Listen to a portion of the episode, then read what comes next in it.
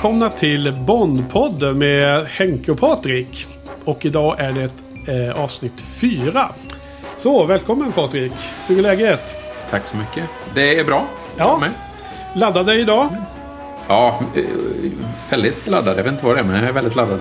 Dunder och brak ska det bli idag. För idag ska vi prata om Thunderball från 1965.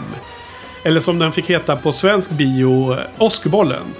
Och eh, som lite uppsnack här innan vi kom in på själva filmen så... Ehm, eh, du har ju utlovat här Patrik att gå igenom lite om eh, bakgrunden till det här manuset och boken och filmen och allting och att det var någon form av eh, konflikt eller eh, juridisk historia runt det här med, med Oscarbollen. Så nu har vi fått höra lite tidigare avsnitt om eh, Ian Fleming som person och hans bakgrund och även lite om hur böckerna blev en filmserie överhuvudtaget där inför första filmen. Men eh, nu är jag lite nyfiken på att höra en lagom mängd om eh, problemen bakom Oscarbollen.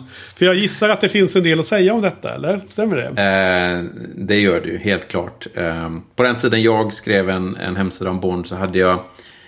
Jag hade, jag hade gjort en, jag, jag gjorde en, en sida om, om just detta bråket och eh, då hade jag först en, en nedkortad version på typ två rader och sen hade jag en jättelång Ja. eh, utförlig beskrivning. Eh, och det är ju ändå, ändå bara små delar av den hela historien. Det finns, om någon skulle vara intresserad efter jag gått igenom det så, så rekommenderar jag en bok som heter The Battle for Bond av eh, Robert Sellers. Ja. Ehm, den kom ut 2007. Jag tror inte det har kommit en uppdaterad version efter det. Nej. Eh, för givetvis, den här, det här är en så lång följetong så den, den finns redan. Det finns till och med fram till dagens film. Ehm, så det är en lång... eh, lång Vadå, menar du eh, 25an? Film 25? Ja, 24 i alla fall. 24, okej. Okej, det- ja, jag har ju hört om det här liksom omnämnas om och, jag, och du har nämnt det vid flera tillfällen såklart och sånt när vi pratar om Bond. Men jag har nog aldrig satt mig in i egentligen vad som hände och vad det var som var problemet. Så eh, shoot, l- låt oss höra lite om vad det var som hände. Mm. Detta. Jag ska försöka att inte hålla mig för långrandig här. Men eh, det hela börjar i slutet av 50-talet. Där Fleming fortfarande kämpar för att få Bond till filmduken. Eh, och han har ju i princip eh, nästan gett upp då. Men då, då föreslår hans vän eh, Ivor Bryce att de eh, tillsammans med en eh, man vid namn Kevin McClory ska samarbeta då för att få detta att hända. Eh, och denna Kevin McClory är ju namnet att komma ihåg om det är något man ska komma ihåg. Då. Är, är, det här, är det antagonisten eller? det beror på vilken sida man, man är på. Ja men vi hejar på Ian Fleming kanske? Eh, ja, det, då, då är det antagonist. Ah, okej, okej. Absolut. Bra, jag måste bara få ordning på de här gubbarna. Ja, nej, men det är bra. Det är bra. Ehm, ehm, tanken var då att, eh, att de, eh, Fleming då framförallt skulle skriva en, en helt ny Bondhistoria. De skulle inte ta någon av hans gamla böcker. Eh, Bryce skulle producera och McClory skulle regissera den här filmen då. Så de satte sig en långhelg i maj 1959 och spånade fram vad filmen ska handla om. Ehm, eh, det går ganska bra. De får väl en, en ganska bra uppfattning om, om vad den kommer handla om. Eh, men sen de här månaderna som kommer efteråt så går det ganska långsamt och sprickor börjar liksom uppstå mellan de här männen. Eh, kanske framförallt mellan Bryce, och, eh, Bryce Fleming och då den här lite yngre McClory. Um, ehm, och i, samtidigt så får Fleming i uppdrag av Sunday Times att skriva den här artikelserien Thrilling Cities. eh, Som vi kanske pratade om, jag tror vi pratade om den tidigare va? Jo. Eh, och det, det, det tvingar honom till en lång jorden runtresa och han, så han kan liksom inte sitta med manuset tillsammans med McClory. Så McClory tar in en annan kille, eh, Jack Whittingham, för att hjälpa till. Eh, så de här två männen gör färdigt ett utkast till manuset. Men då känner både Fleming och Bryce att det här projektet har blivit så stort att de, de vill nog bara lämna över det till någon filmbyrå och så får de göra resten liksom. Um, och, ja, och och det händer liksom inte och hela det här projektet börjar rinna ut i sanden då. Vilket inte är första gången för, för att, att få Bond till filmduken då. Okej. Eh, och där kunde hela historien sluta. Men, självklart. Eh, ett år senare så, så pressar Flemings bokförlag honom på att göra en ny bok. Och eh, då, då tar han den grundläggande storyn från det här filmmanuset och gör till sin nästa bok då, Thunderball. Ehm, om man medvetet menar att stjäla massa idéer från andra eller inte, det, det är väl oklart. Nej, eh, fråga där. Mm. Vet man något om om de liksom skrev de något formellt kontrakt och så då 59 innan de började jobba ihop eller? Vet du det? Nej, jag tror att på den här tiden så var det ju väldigt mycket gentlemen's agreement och eh, Ja. muntligt och, och sådana saker. Och saken är ju den att Fleming var ganska naiv när det gällde filmbranschen. Och så, här, så jag tror inte han, han... Han tänkte nog inte så mycket på var idéerna kom från. Liksom. Han tog eh, influenser från överallt och så hittade han när han skrev en bok. då. Eh, Så det skulle kunna vara bara att han var naiv. Samtidigt så kan det också vara så att han och Bryce medvetet ville köra över den här yngre McLaury då. Som dessutom var irländare då. Jag vet inte om det... Okej. ja, det kanske hade en betydelse. Jag vet inte. Jag vet inte, det kan vara så. Ehm, ja, hur som helst. eh, boken kom ut. McLaury blev givetvis chockad och arg. Eh, undrar vad, vad, vad fasen har hänt där. Liksom, vad, han hade ju, Fleming hade ju inte frågat varken han eller Whittingham om, om godkännandet då. Så de stämmer ju Fleming. Eh, Men boken har ju börjat säljas så eh, de gör, det görs liksom en snabb rättslig process bara om själva bokrättigheterna. Eh, Och den slutar med att bokförlaget får fortsätta eh, sälja och eh, rättigheterna, de skulle ha kvar rättigheterna på bokförlaget då. Och eh, en slutlig prövning skulle sen komma senare. Eh, Okej. en, en större då. Det här var väl liksom bara mest för att klara av bok, den bok som precis kommit ut då. Eh, grejen är bara att den eh, slutliga skulle komma två år senare och under de här två åren så händer det ganska mycket. Ehm, för när rättegången börjar sen i slutet av 63, då har ju två framgångsrika Bondfilmer redan haft premiär. Och då helt plötsligt är ju, då blir det lite annorlunda. Eh, dessutom har Fleming, eh, hans hälsa har blivit ganska dålig. Han har fått haft sin första allvarliga hjärtattack. Och är, rätt, är svårt sjuk under de här tre veckorna som, som rättegången pågick. Då. Han, han kom ju sen ö, avlida året efter, då, 64. Eh, Eh, men tre år, eller jag säga, tre veckor satt de med den här rättegången. Eh, och uppgörelsen gick ut på att, eller den blev att Fleming fick bokrättigheterna. Så länge alla kommande upplagor av boken skulle innehålla en text att den var baserad på ett manus av eh, Kevin McClory, Jack Whittingham och Ian Fleming. Och sen, å andra sidan, så fick McClory film och tv-rättigheterna. Samt copyrighten på alla existerande manus som de har skrivit ihop och Flemings bok. Ehm, så det är därför som när eh, Broccoli och Saltzman köpte alla filmrättigheterna så, så fick de ju inte den här då, för den ägdes av Kevin McClory då. Okej. Ja. Så då fick han filmrättigheterna och då kände han fasen, nu vill jag göra en Bondfilm och rida på den här vågen.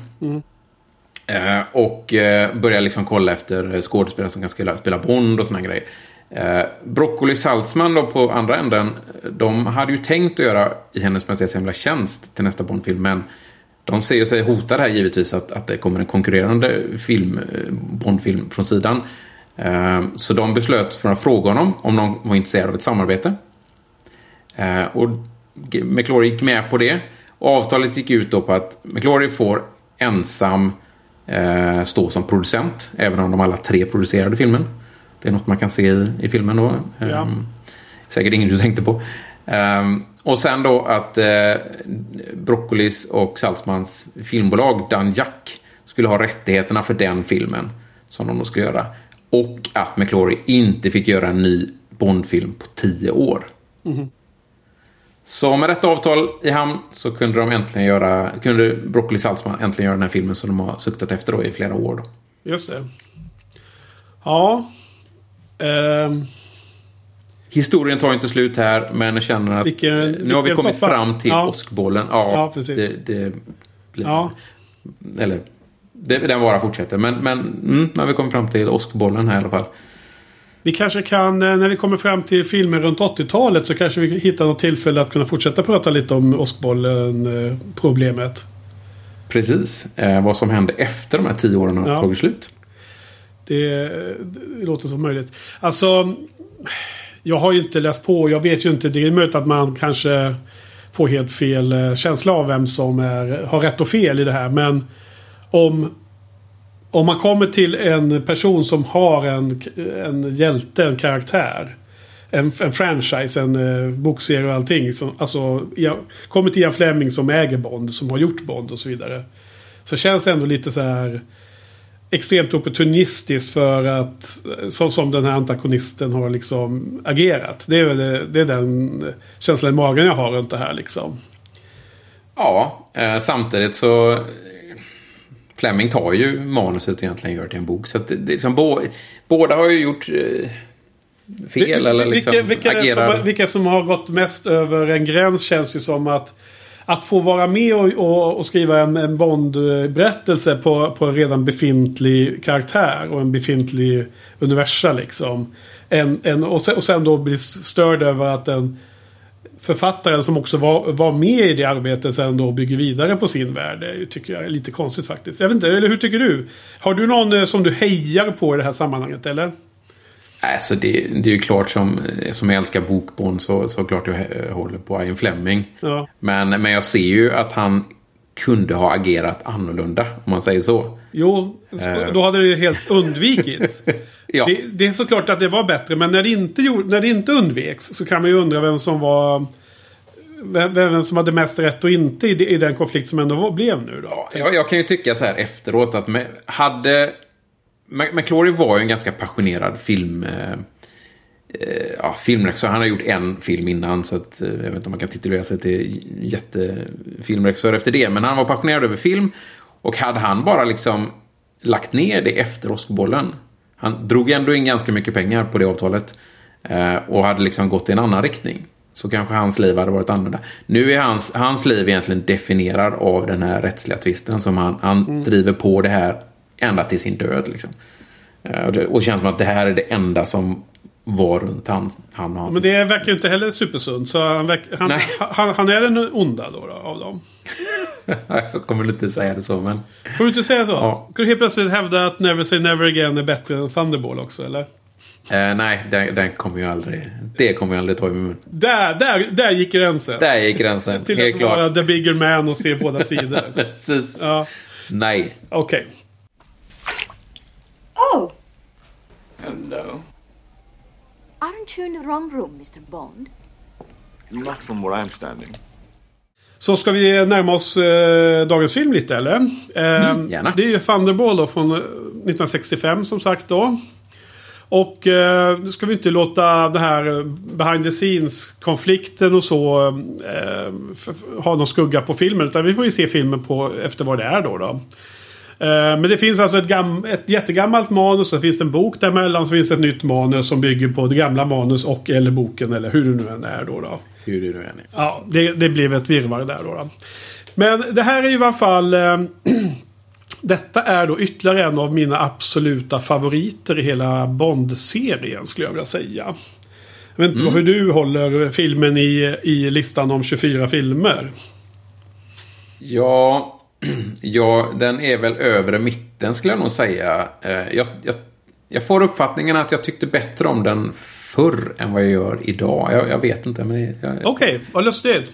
ja, Där- Därför att min lilla ingress här är just att eh, det, det är väldigt liknande det du sa nu då. Helt, helt, det, har vi inte, det har vi inte pratat om innan. Jag, jag hade inte uppfattat det från dig. Eh, nej men för att jag, jag tror jag har den rankad som bland topp fem i min, eh, för, för sju år sedan när jag gjorde mitt eh, Bond-projekt.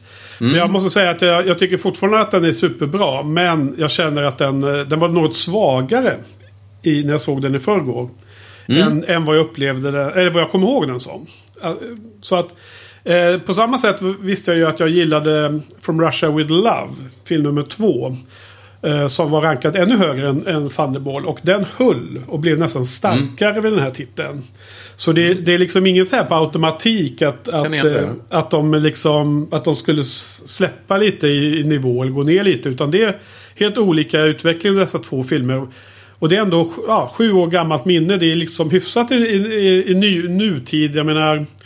Ända sedan jag startade min eh, filmblogg 2010 så känns det som att jag har liksom funderat på film och beskrivit film i text. Det har så skapat ett, ett, tvingat mig att verkligen ta ställning till filmer på ett annorlunda sätt än vad man gjorde innan.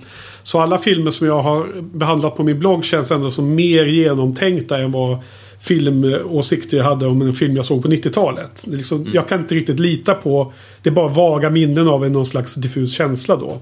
Medan en film jag såg för sju år sedan och speciellt med det här Bond-projektet. Då gick jag verkligen igenom alla filmerna och verkligen utmanade mina åsikter om dem liksom, på ett annorlunda sätt. Då. Så att det, det är ändå väldigt förvånande att, att jag på sju år har hunnit liksom, att det börjar ändra sig trots allt. Eh, och det är ganska intressant att du då Out of the Blue också nämner att, att den kanske hade tappat lite jämfört med vad du trodde då. Mm, faktiskt. Eh, Men då får vi försöka spana lite efter det. Vad det är som kan göra detta. eh, Här under poddningen. Men det andra jag skulle vilja säga i en ingress innan, eh, innan jag släpper över till dig. Är ju lite att. Jag tycker det är tydligt att det är liksom en. Det är en Bondfilm med de här fyra kvinnorna som han. De fyra stora kvinnliga rollerna. Att de är väldigt, eh, har stor del i filmen. De är väldigt viktiga för filmen i mina ögon just nu. Jag såg dem den här gången. Mm. Det är fyra spännande och eh, intressanta och olika karaktärer. Ehm, så att det- det, det var något som jag kanske inte riktigt kände, kom ihåg lika mycket som. Eh, som ett exempel så min minnesbild som då igen då bara är sju år gammalt så hade jag för mig att det nästan bara var eh, Domino man fick se hela tiden. Alltså att hon hade mycket större roll än vad det visade sig att hon hade nu. Då, då. Och att de andra kvinnliga karaktärerna hade eh, mindre roll i relation. Men nu visade det sig att det var tvärtom ju. För Domino är ju knappt med ju. Eh, Hon är inte med speciellt många scener. Nej, det är ju... Det är typ fyra, fem scener. Liksom. Nej. Men, men eh, hur, är din, eh, hur är din allmänna känsla runt filmen nu när du har tittat den idag? Ehm, ja, eh, vi pratade om, i förra filmen om, om den här form, Bond-formuläret, formulan, eh, börjar sätta sig. Och, och här vet de ju verkligen vad som funkar. Och eh, trycker på det ännu mer. Ja, Ehm, och de hittar ju rätt, alltså på, speciellt där på 60-talet, de hittar ju precis rätt. Eh, för den här filmen blev ju, ehm, drar jag mot redan nu då, men, men det här är ju den Bondfilm som dragit in mest pengar i, i, i justerat pengavärde då. ja. Någonsin fram till Skyfall 2012. Jaha, oj oj. Ja, Så att det är liksom... Ja. Men, ja, man det- det förstår blev att den, en den blev megahit alltså. Ja. ja ja.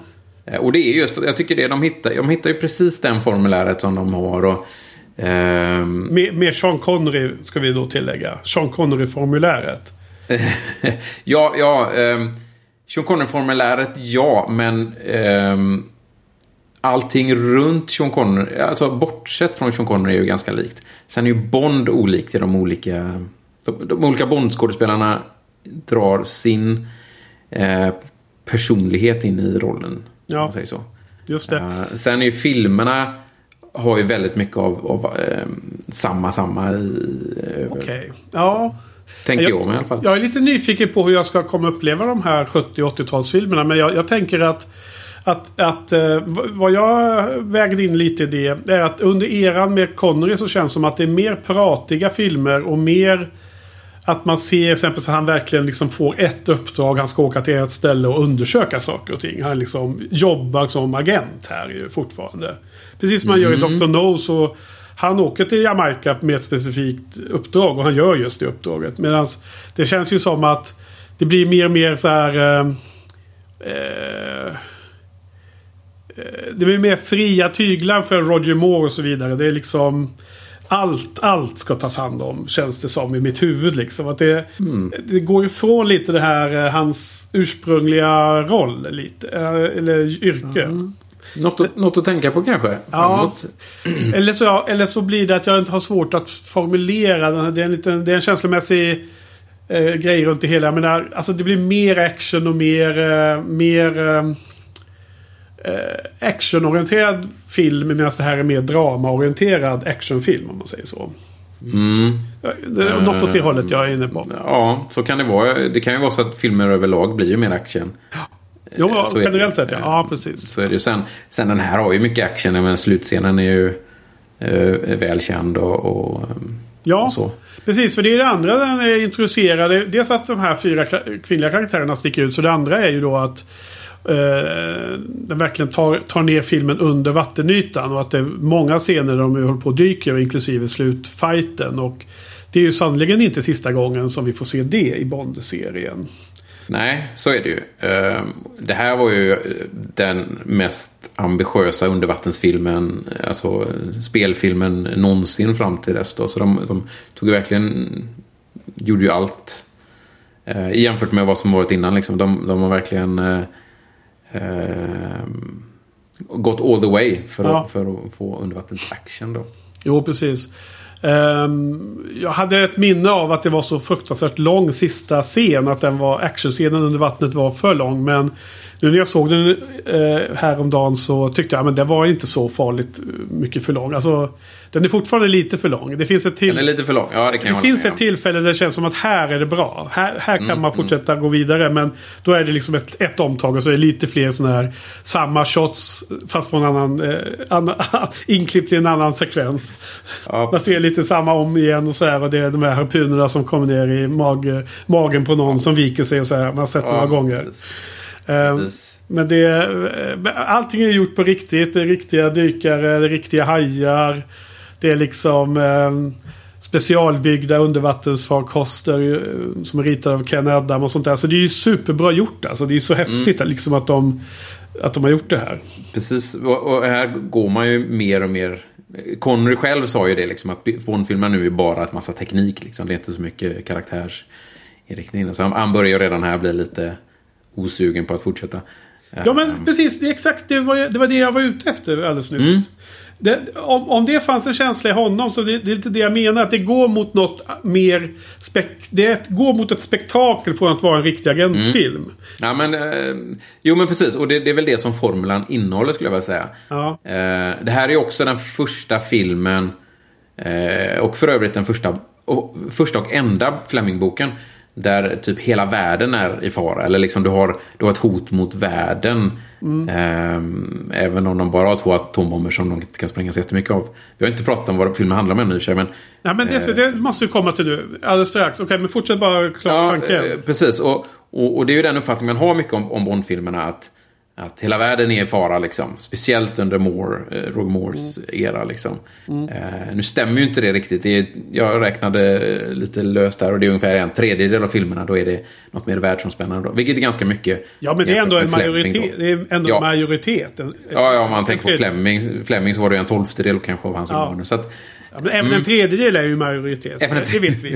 är det så det är? Ja, i dagens läge. Ja, i, i, i, I tidseran av Trump och så, då, även, då kan även en tredjedel vara en majoritet. Ja, nej, men så kan det vara. Ja, men vad bra att du sa det. Jag hade helt glömt av. Eh, Kan du eh, dela med dig lite av en mission brief här av denna, Mm. denna film Thunderball eller Åskbollen då, då? Vad är det vad är det som händer? Eh, ganska enkel plott egentligen. Eh, terrororganisationen Spectre stjäl två atombomber för att kunna utpressa världen på pengar. Ja, Det är ganska kort och koncist.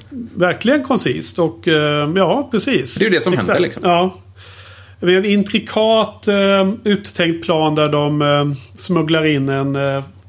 Väldigt En- komplicerad ja, delvis. en, en eh, eh, vad heter det, flygare som sen eh, hijackar ett eh, sånt stort militärflygplan som, som har de här två eh, atombomberna. Som heter Valkan eller något sånt där heter flyget. Eh, Var det ett flyg som finns, fanns på riktigt? riktigt eller? Nej, ja, ja, absolut. absolut. Det var väl ett splittrans nytt eh, brittiskt flygplan eh, på den tiden. Okej. Eh, vad- för det, det, det, jag känner inte igen formen. eh, inte för att jag är någon expert på militära flygplan. Som man ändå sett ganska många olika.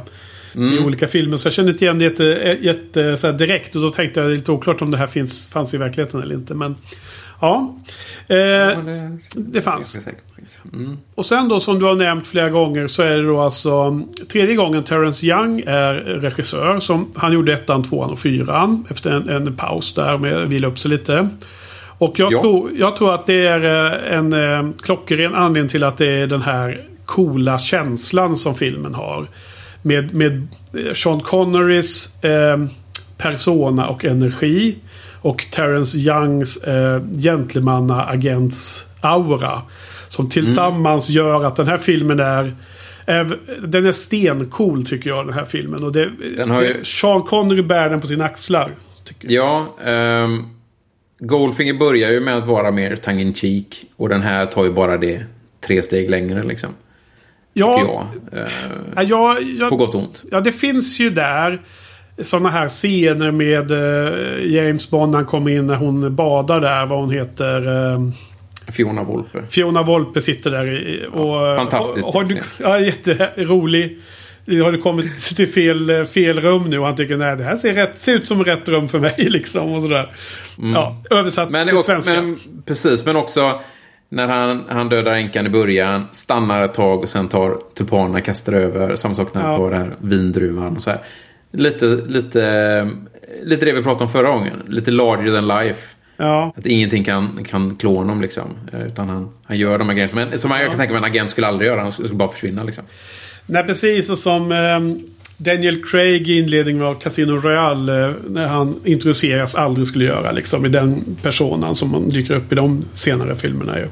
Ja men precis, det, det kommer ju härifrån. Ändå- och det ja. finns ju många sådana scener. Eh, Jag, jag tänker, jag ser framför mig Brosnan åker under vatten och rättar till sin fluga liksom och sådana grejer. Det, så det blir så här, den här larger than life som Bond börjar Ja. bli här. Liksom. Det, Brosnans och hans små eh, gester. Det är, när han åker med stridsvagn genom ett, ett hus och han rättar till slipsen sen. Det är ju, det är ju liksom Mm. essensen av hans... Jag tänkte när hon var under vatten gjorde exakt samma sak. då. Så det är just det här. Ja. Ehm, och det börjar väl här. eh, Jo, men, men tror, du att det det här, tror du att det här gör att Sean Connery börjar ruttna på att spela honom? Eller? Att det är den Jag vet att han börjar tröttna. Jag vet att han börjar tröttna redan här. Eh, Men det är ju fram, kanske framförallt just eh, att det- det är så teknikdrivet då. Det finns ju väldigt mycket teknik i den här filmen. Specialeffekter. Ja, och du har, du har liksom eh, alla de här undervattensmaskinerna, du har jetpacken och du har liksom Ja. gadgets, bilen och såna grejer. Då, va? Det. Eh, Och det går ifrån om man tänker att han kanske då föredrog eh, från Russia with Love då, som är mer dramadriven då. Okej, Och men... sen har, sen har du ju nackdelen också att han, han, han tycker, det jag tror vi pratade om det innan, jag vet inte om on eller off-podd. Att han inte gillar eh, eh, uppmärksamheten han får. ja, det är Och- fel och- jobb då. Ja, definitivt. Men, men Bond blir ju bara större och större och de här filminspelningarna drar ju bara mer och mer folk. Och du vet, Mm. man landar, flyger till ett annat land och det står hover av folk liksom. Och det, Ja. det känns... Sean Connery är ju inte riktigt den Ja. skådespelaren som gillar det. Jag har ju sett några intervjuer med eh, Molly Peters som spelar Pat Fearing och hon som spelar Paula som heter Martin Beswicks och som också var med då i eh, Beswick. Russia Ja. with Love. I Russia with Love, som du nämnde att hon skulle återkomma. Eh, en av dem eh, som slogs där om en man. Ja, precis. Och sen så även intervju med eh, hon som spelar Fiona Volpe, Luciana Paluzzi. Mm. Eh, inga intervjuer med hon som spelar Domino dock. Hon verkar vara en mer eh, eh, skygg person. Eh, men alla, alla pratar ju om att Sean Connery var så otroligt charmig och sexig och eh, rolig att jobba med. Och att han var hela tiden... Eh, skulle hela tiden hålla på med hyss och skoja och sådär. Ja. Men det var ju Molly Peters som jämförde med att det blev så stort där när de höll på. Så att det var som, alltså, som Beatles jämförde hon med. ja, men precis. Det, den jämförelsen har jag hört många gånger. Ja. Eh, mm. Och, vi, och vi som gillar musik mycket och, och eh, min kompis Olof och allihopa liksom som eh, bara följer Beatles och all den hysteri runt det och hur jäkla trötta jag, menar, jag tror både John och George framförallt blev ju det och så vidare. Va? Så att det, det finns sådär. där. Ehm, men jag ville loopa tillbaks till när vi började prata om, alltså för vad jag upplever från filmen det är att Samtidigt som jag inte kan säga emot allt det du säger om både glimten i ögat från Sean Connery och teknikutvecklingen så känner jag att den är mer grundad i samma typ av värld som första och andra filmen var. Det, det var egentligen det som var min poäng. Eh, så jag känner att och jag gissar att det är därför jag tycker att han fortfarande är jäkligt cool här. Eh, han funkar bra. Och, Men det gör han ju. Det, men, det, gör är liksom, du vet att det finns ju de här små scenerna emellan. Liksom. Bara när han går från en punkt till en annan genom ett rum. Eller hållningen, kläderna, stilen. Eh, vad han beställer på restaurangerna. Hur han eh, bjuder upp någon till dans liksom på det här Kiss Kiss Mm. eh, klubb och sådär. Liksom. All, hela hans... Eh, hans... Han, är- han är så cool. Jag, kan, jag kommer inte på något bättre sätt att beskriva det. Han är bara... Han, han är liksom bara jäkligt, eh, jäkligt häftig. Eh, så det är det som jag älskar i den här filmen. Som jag håller kvar vid. Även om jag känner att, att jag Ja, hade vi för mig att den var ännu mer spektakulär på något sätt. Ja, men det var det vi sa tidigare tror jag. Att, att eh, utan Sean Connery i den här rollen så kanske Bondfilmen aldrig hade Nej. kommit någon vart. För han är, han är verkligen eh, riktigt bra. Ja, och jag tror att det är så. Jag tror att Terrence Young har en stor del i detta också. För att när man ser de här intervjuerna så, så berättar de om att ja, men vi, vi, blev ju, vi fick ju allt också. Om man Ja. jobbar på en Bondfilm. Så var det en VIP-hantering hela tiden. Så när de Mm. Var i. Jamaica nere på stranden och filmade olika scener. Då hade de liksom... De hade, inte, de hade inte en liten trailer, du vet, med så här man får sitta i ett sunkigt litet halvtrailer med liksom en dörr och gå in och sin egen liksom lite privat area. Utan då hade de hyrt en stor jävla lustjakt ute i, i, i hamnen där. Så att de, hade, de bodde på en sån här lyxbåt liksom. Ja. Emellan tagningarna. Ja, och just det här att det var champagne och kaviar Ja. hela tiden och sådär. Och att, att han liksom tyckte att var, varför leva dåligt när man kan leva bra? Ja, Mm. det, låter, det låter ju så bra. Precis, äh, De hade ju en ganska hög budget för den här filmen eh, och de visste väl inte riktigt var de skulle ha pengarna, eller låter det som ibland. Ja. Ja, och då kan man göra det på det sättet. Ja. Det hade ju inte funkat idag antagligen, men då eh, var det kanske mindre kontroll. Ja. Ehm, Så länge det blir en bra film så. Ja, och, och sen Ken Adams som hade scoutat så mycket. Han hade ju letat efter den här båten då som heter eh, Disco Volante eller vad det nu heter. Va? Som eh, skurken kör. La- Lagråsbåt. Och det, han ville ju ha det här att den skulle kunna liksom bli en mindre båt i slutet. Mm. Eh, och det skulle ju vara som en twist. Det var ju som en big reveal där i slutscenen ju. Och det är ju coolt. Ja, ja. Men, men det fanns ju inte att köra, hitta någon sån båt. Så det fick de ju bygga faktiskt. Från en Mm. mer katamaranaktig bakre del. Och sen satte man ihop det med den här snabba främ, främre delen som är en sån som och går upp på sån här vingar. Som ligger lite ovanför vattenytan och, och åker jättefort. Bär, bärplansfartyg, va? Just Det är det. du som är skepps... ehm, Ja, precis. Även om det är mer segling än, än ehm, motorbåt. Även om faktiskt även i kappseglingsvärlden så börjar man med sådana här bärplan. Ehm, eh, så, det- så i Amerikas Cup nu så flyger de omkring jättefort liksom. Mm. Men eh, vilket fall som helst så... Eh, det slutade med att de byggde den här båten och att det här, de satt ihop med en väldigt, väldigt litet material. Alltså väldigt liten, liten del som satt ihop. För de var tvungna att kunna röra sig oberoende av varandra i vågorna. För annars skulle det brytas sönder. Så att när, de, när, de, eh, när man ser den här scenen när de liksom separerar. Sliter sig loss från bakre delen. Då är det bara att de, de bara liksom drar bort dem. Eller tar ta, ta bort den liksom smala typ planka. Fast det var väl i metall. Alltså den del som höll, höll, höll ihop främre och bakre delen. Och, och, och, eh, så, så, så det är ju liksom en praktisk effekt. Så man, det, det, ser man, det man ser på filmen det är live. Liksom. Det görs verkligen. Det var lite kul. Och han, han pratade också Ken Adam om att den här eh, stora villan som de har där. Det var ju några amerikansk par som ägde någon superstor lyxig villa med två stora pooler då. Varav, varav de liksom åkte ut och fångade massa hajar och la i den ena då. Eh, som tydligen luktar så jäkla illa. Eh, så det, det var enda problemet att Terrence Youngs fru tyckte att han fick sova i gästrummet. För under hela inspelningen så luktade han fisk. Ja, Ja. Ja varför inte? Eh, Ja. Den där, den där eh, bassängen med hajar eh, påminner mig om en sak. Ja, Om du kommer ihåg, vi var ju iväg och, och, och, när vi reste så, så badade vi ju en hajbassäng, kommer du ihåg det? ja absolut. Var du i? Jag kommer inte ihåg om du var, Jo, var du i? absolut. Ja, jo, jo, ja. jo, ja.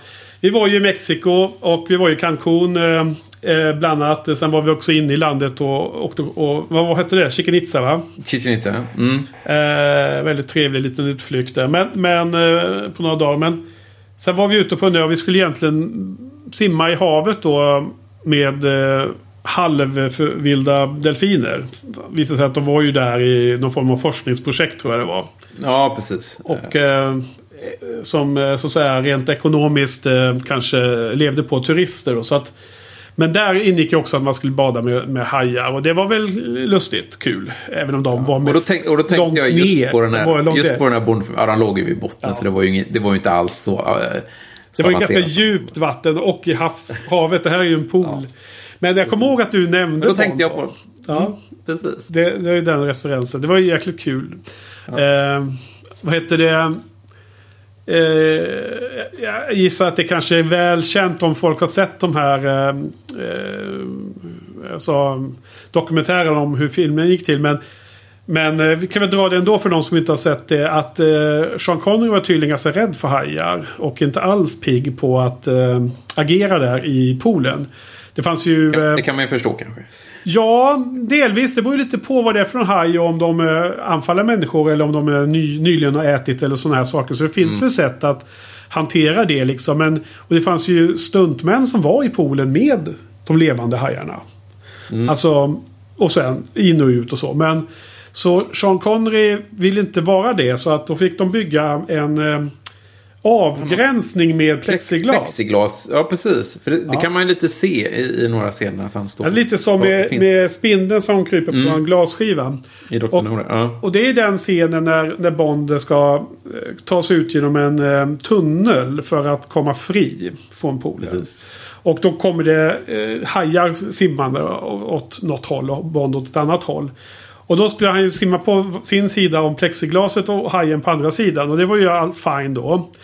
Eh, problemet var att de eh, hade för lite plexiglas. Så, att, eh, så de byggde liksom en... Det bara såg ut som ett plexiglas där uppe där Sean Connery kunde se det. Men nere vid, vid, vid, vid botten så var det en hel sektion borta. Vilket slutar med att en haj direkt simmar in i det hålet. Så att när man ser att Bond möter en haj och ser helt skärrad ut och sen Ja. går, går åt sidan så hajen sveper förbi honom. Typ så att fenan typ liksom rör vid hans mage ungefär. Då är det eh, äkta rädsla tydligen. Det är, Mm. det är liksom inga... Det är, det är på riktigt liksom för Sean Connery. Och sen var han tydligen ganska irriterad över det. Att det hade hänt. Ja, kan tänka mig. Har du hört, hört något mer om Jag den har, storyn?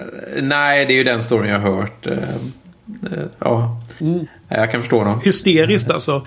Det är verkligen... ehm, för de här uh, hajarna kom från, vad var det, guldgrott? Nej, vad var det för, vad hette Golden Grotto enligt... Jag har ingen aning om de finns i Om det- verkligheten. Nej, De- precis. Men, men det är ju sen de... För när de väl åker över Golden Grotto då, då får ju Bond en idé. Att, Känner han igen, eh, han får ett uh, tell där för att han har hört det. Precis, liksom. Ja, då förstår han, var, varför vet de om det här stället liksom? Här kan vi titta. Ja, men det, är- det är ju en lite cool detalj. Men du, eh, nu har vi bara svävat ut här. Ska vi eh, veva in oss lite och börja med filmen från början? Eh, Absolut. Eftersom vi får ta lite halvkronologiskt så har vi inte missat några roliga eh, saker vi vill prata om. Hur är det? Det inleds med en pre-title sequence. Vad, vad har vi Ja. på den då? Eh, där har vi ju då eh, att Bond... Först började det med att man ser en kista där det står JB på. Ja. Och då tänker man, ah, James Bond är död. Åh nej, nu är det redan slut. Attans, filmen är redan slut. Ja.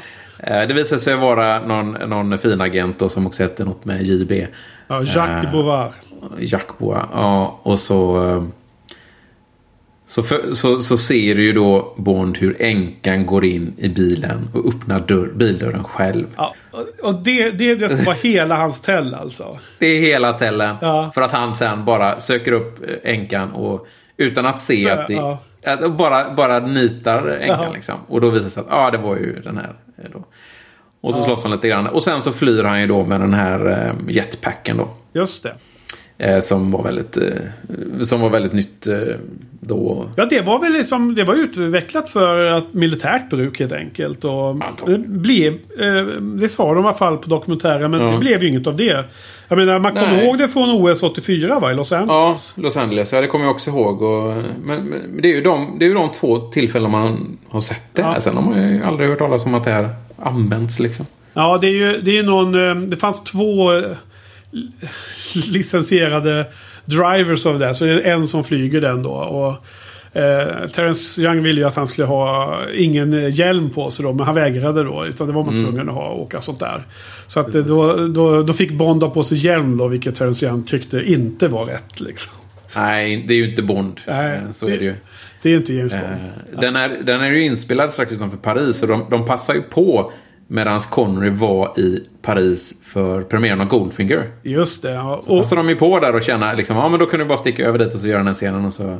och film som kom året innan. De, de höll på med det där fanstyget och hålla på med eh, fasade launcher i olika länder. Ja, precis. Jävla och skit. åka runt till varje premiär och så. Ja, det måste ju vara jobbigt för allt. Ja, självklart. Ja.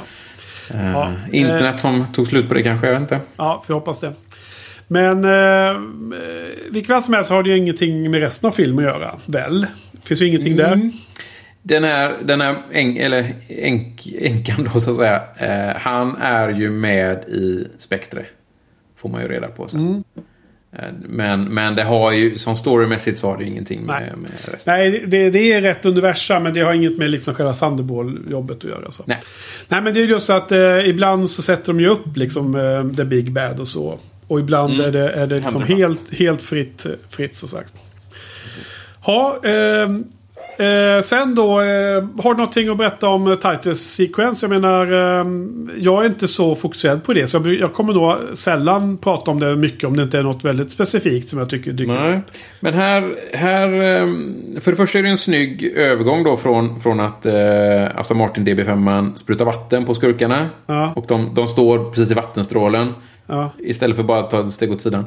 Eh, och sen kommer ju, kommer ju det här vattnet då. Eh, och så går det, är det liksom en snygg övergång till eh, titelsekvensen då. Ja. Eh, där Morse Binder är tillbaka. Och den här titelsekvensen är ju den första eh, av de här klassiska...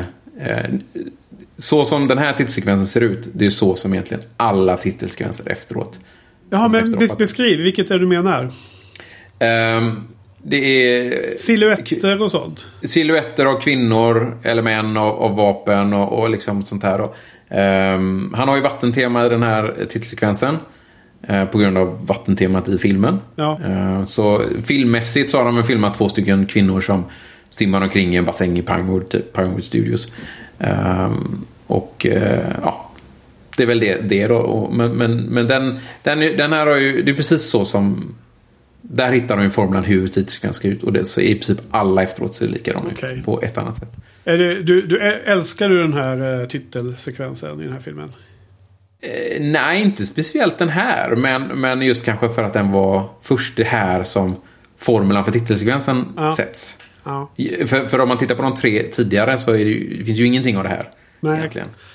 Fast jag, jag, jag är så ointresserad av dem så jag, jag, kommer inte, jag tänkte inte ens på att det hade tagit ett stort steg. Men Ja, eh, se, senare under alla 24 filmerna eh, finns det tydliga favorittitelsekvenser som du har? Är det någonting som du så att säga, typ kan ranka i ditt huvud och så? här? De här är bäst. Nej, det kan jag nog inte göra. Men det finns väl säkert några som är bättre än andra. Ja, då får vi Men försöka i, upp inte, som jag... eh, Inte så här... eh, Just övergången från uh, förscenen till titelsekvensen är ju lite kul. Den, de, den, den kan de göra saker Mm. Det är kul att de gör en tie-in liksom. Ja, just det. Jag glömde säga det att jag... Eh, eh, han eh, skurken där som Bond eh, dödar i scenen. Mm. Han, han är ju eh, klädd då i den här eh, kvinnokläder i drag. Och jag tycker han är så påminn så mycket om Tony Curtis. In Jaha. drag. Just i, Ja, ja, specifikt i, i- i, filmen eh, Some Like It Hot. Precis, Marilyn Monroe. Marilyn Monroe-filmen med Tom, Tony Curtis och Jack Lemmon inte minst. Och det är ju en fantastisk film för övrigt. Mm, mm. Otroligt bra film. Och jag, han har liksom, han, det ser ut som Tony Curtis flera gånger. Så att jag, det är inte bara en gång man får den här vibben. Utan eh, han är jättelik. Jag vill bara nämna det. Det, det är ju eh, Sean Connerys eh, stuntman, Bob Simmons, som, som gör den rollen. Jo, för man ser också i något läge att det inte är Bond faktiskt. Nej. Eh, Nej, men som, som är änkan menar jag. Som är änkan. Jaha, okej, men man ser också att det. Ja, jag- nej, det, är ju stunt, också- det är väldigt mycket stuntman. jag, jag tror att man ser något läge där att Bond också inte är Bond. I Definitivt. Det, det gör man rätt ofta, Ja. tycker jag. Just det. Eh, Bob Simmons kan man, ju, kan man ju bara som trivia kan man ju säga att den här eh, Gun Barrel-titeln som är i början av varje Bond-film. Ja, Det var ju han som var Bond i den första. ja. Eh, som vänder sig om och skjuter mot eh, skärmen. Eh, och sen tror jag i andra filmen så, så gjorde de det i, i, i bättre upplösning. Eh, och då såg man att det inte var Sean Connery, så då fick Sean Connery göra det. ja just det. Så Jag tror det var andra eller tredje filmen som... I den här filmen så är det Sean, Sean Connery som gör den moven. Och det ser man ju tydligt. Eh, då. Just det. På tal om, eh, om vi ska komma in på The Big Bad här i filmen. Han heter ju Emilio Lar- Largo och spelas av Adolfo Ska vi, innan vi gör det, ska vi även nämna musiken kanske? Den går ju under titel, eh, titelsekvensen. Ja, absolut. Vad, vad vill du säga om den då? Eh, egentligen bara att det är Tom Jones som gör den. Jo, jo. Eh, och eh, han, han är precis i början av sin karriär. Han har, eh, har haft en hit innan. Uh, What's New Pussycat kom samma år. Okej. Så, att, så, att, så att det, han är ju... Så här har de inte tagit någon etablerad artist eller någonting. Nej. Bara tagit någon som Ja. precis fått en hit. Eh, Ja. Även Johnny Cash kan jag nämna skickade faktiskt in en låt som hette Thunderball för eh, Consideration. Okej. Men den, den nekades. Eh, Den finns, den finns, jag såg den på, lyssnade på den på YouTube innan nu faktiskt. Bara Ja. för att kolla upp den. Ja, I dokumentären så pratade de om, ganska länge om filmen, om låten och ah, jag tyckte det var ganska ointressant. Men tydligen så, det finns ju någon som låt som är inspelad av Diane Warwick också som Mm. är väl med på. Kiss, kiss, kiss, bang, bang. Ja, precis. Så där var tydligen länge själva titellåten men så bytte de ut det i sista sekund till, Stämmer, till stämmer. han. Nej men eh, Kiss, det, det kiss, var... kiss. Eller jag vet inte. Tänkte bara, för det här är ju en... Kiss, kiss, bang, bang. Mm. Är ju den, det är ju det som italienarna kallar James Bond. Mr Kiss, kiss, bang, bang. Ser man ju sen även i, eh, i den här klubben som Bond går till. Det Ja. heter ju Kiss, kiss club. Det måste de ju ta Men varför kallar italienarna Bond för detta? Är det från den här filmen menar du? Eh, nej, jag tror det är från tidigare filmer. Eh, Ja. Jag vet inte varför, men det är väl något smeknamn han fick. Ja, det i- känns i som en efterhandskonstruktion. Att det, för Ja. det tar in till den här Nej, jag, filmen. t- jag tror att... eh, Nu är jag inte helt hundra, men jag tror att de... Ö, att någon av de tidiga filmerna på italienska var Kiss Kiss Bang Bang. Mm. Ja, okej. Ehm, nej, men det var bara lik, liknelsen mellan skådisar här som jag eh, gjorde. Att alltså, kom att tänka på eh, Largo. Eh, så det kanske inte är rätt plats att prata om honom, men eh, det, det jag ser framför mig hela tiden med den här stora näsan och den här eh, ögonlappen och allting. Det är ju om du har läst Tintin och det är den här Rastapopoulos. Ja, Det är ja. jättelik och jag tror till och med att jag la upp en bild här ja. I, eh, på, på mitt gamla blogginlägg för sju år sedan. Där, där två bilder side by side och de är i princip identiska. Trots att den ena är tecknad. ja. De har näsan, de har ögonlappen, de har allt liksom. Eh, formen på ansiktet, liten eh, rund kind, liksom. Eh, väldefinierad haka. Allt. Ja det var... Ska, Det vi, det. ska vi även säga att, att eh, jag tycker ju att, att Largo är ju ingen man... Man minns väl, men man minns ju inte han som något jättebra från den här filmen. Jag tycker det är en ganska fel... eh, Tycker du han är svag? Fel skådis. Ja, det är en svag eh, skurk. Ja. Definitivt. Jaha, alltså jag, jag, jag tycker han är kul på något sätt. Men eh, jag kanske inte utnämner honom som lika ikonisk som en Goldfinger om man säger så. Nej. Som är hittills. Och, eh, men jag gillar liksom att det ska vara den här excentriska skurken. Det kommer ju, kom ju mer excentriska skurkar senare Mm. eh, i Ja. serien. Va? Ja. Eh, men jag tycker att Det- han... Det känns som att ändå är på över halvan för mig. Ja, ja, ja okej då. Okej Ja. då. Ehm, och så har han ju det där fysiska som du nämnde då. Fysiska, eh, något, något som är fel på honom så att säga. Eh, Ja, nu är det ju de, har ögat. ofta, de har ofta det va? De har ofta det. Ja. Ja, precis. Dr. No hade ju likadant. Ja, precis. Han hade inga händer och så. Precis. Var väl han eh, Grant där i andra filmen var ju helt perfekt å andra sidan. Han hade alla, alla sina Mm. Det muskler och lemmar och händer och fötter. Men han hade kanske inte alla fakulteter hemma i huvudet istället. Ja. Nej, precis. Men sen är det ganska lång då setup med hela det här eh, Bond är på något, eh, vad heter det, vilohem. Ja. Ja. Mm. Han, ska, han ska dricka liksom eh, elektrolyter eller vad de pratar om där och sånt där. Mm. Och, och det, alltså det, det, det tar ganska lång tid innan filmen så kommer igång med att han får ett uppdrag. Om man säger så. Eller hur? Det är ganska lång intro på det sättet. Ja, så är det ju. Och det gillar man ju ganska mycket. Eh, Ja, men jag, ja, jag tycker de blir en sån bra Ja. setup. Liksom, att man, man vet vad man är. eh, hela den här inledningsscenen och fram, fram till att han blir inkallad till M och får ett uppdrag. Eh, vad, vad tycker du om hela den setup-delen? Och så? Jag menar, inte minst så har vi ju Pat Fearing eh, och eh, Minke-handsken. Scen. Inkansken ja. ja. Ja. Precis som, som eh, eh, har bytt ägare då från, från boken då där det är hon som, som använder minkhandsken på Bond då, och inte tvärtom som i filmen. Spelar Just. kanske ingen roll. Men, men ehm, nej, men det är väl, det är väl bra. Ehm, lite, lite väl komplicerat kanske. Jag tycker ju inte om, jag tycker ju inte om eh, hela den här idén med att ersätta piloten liksom. Jag tycker den är, Jag tycker den är jättekomplicerad och bara helt fel. Om alltså, han har alltså hållit på i två år för att Du menar med plastikoperation och hela den Plastikopposition och allt. Han ska lära sig hur han pratar och allting sånt Ja.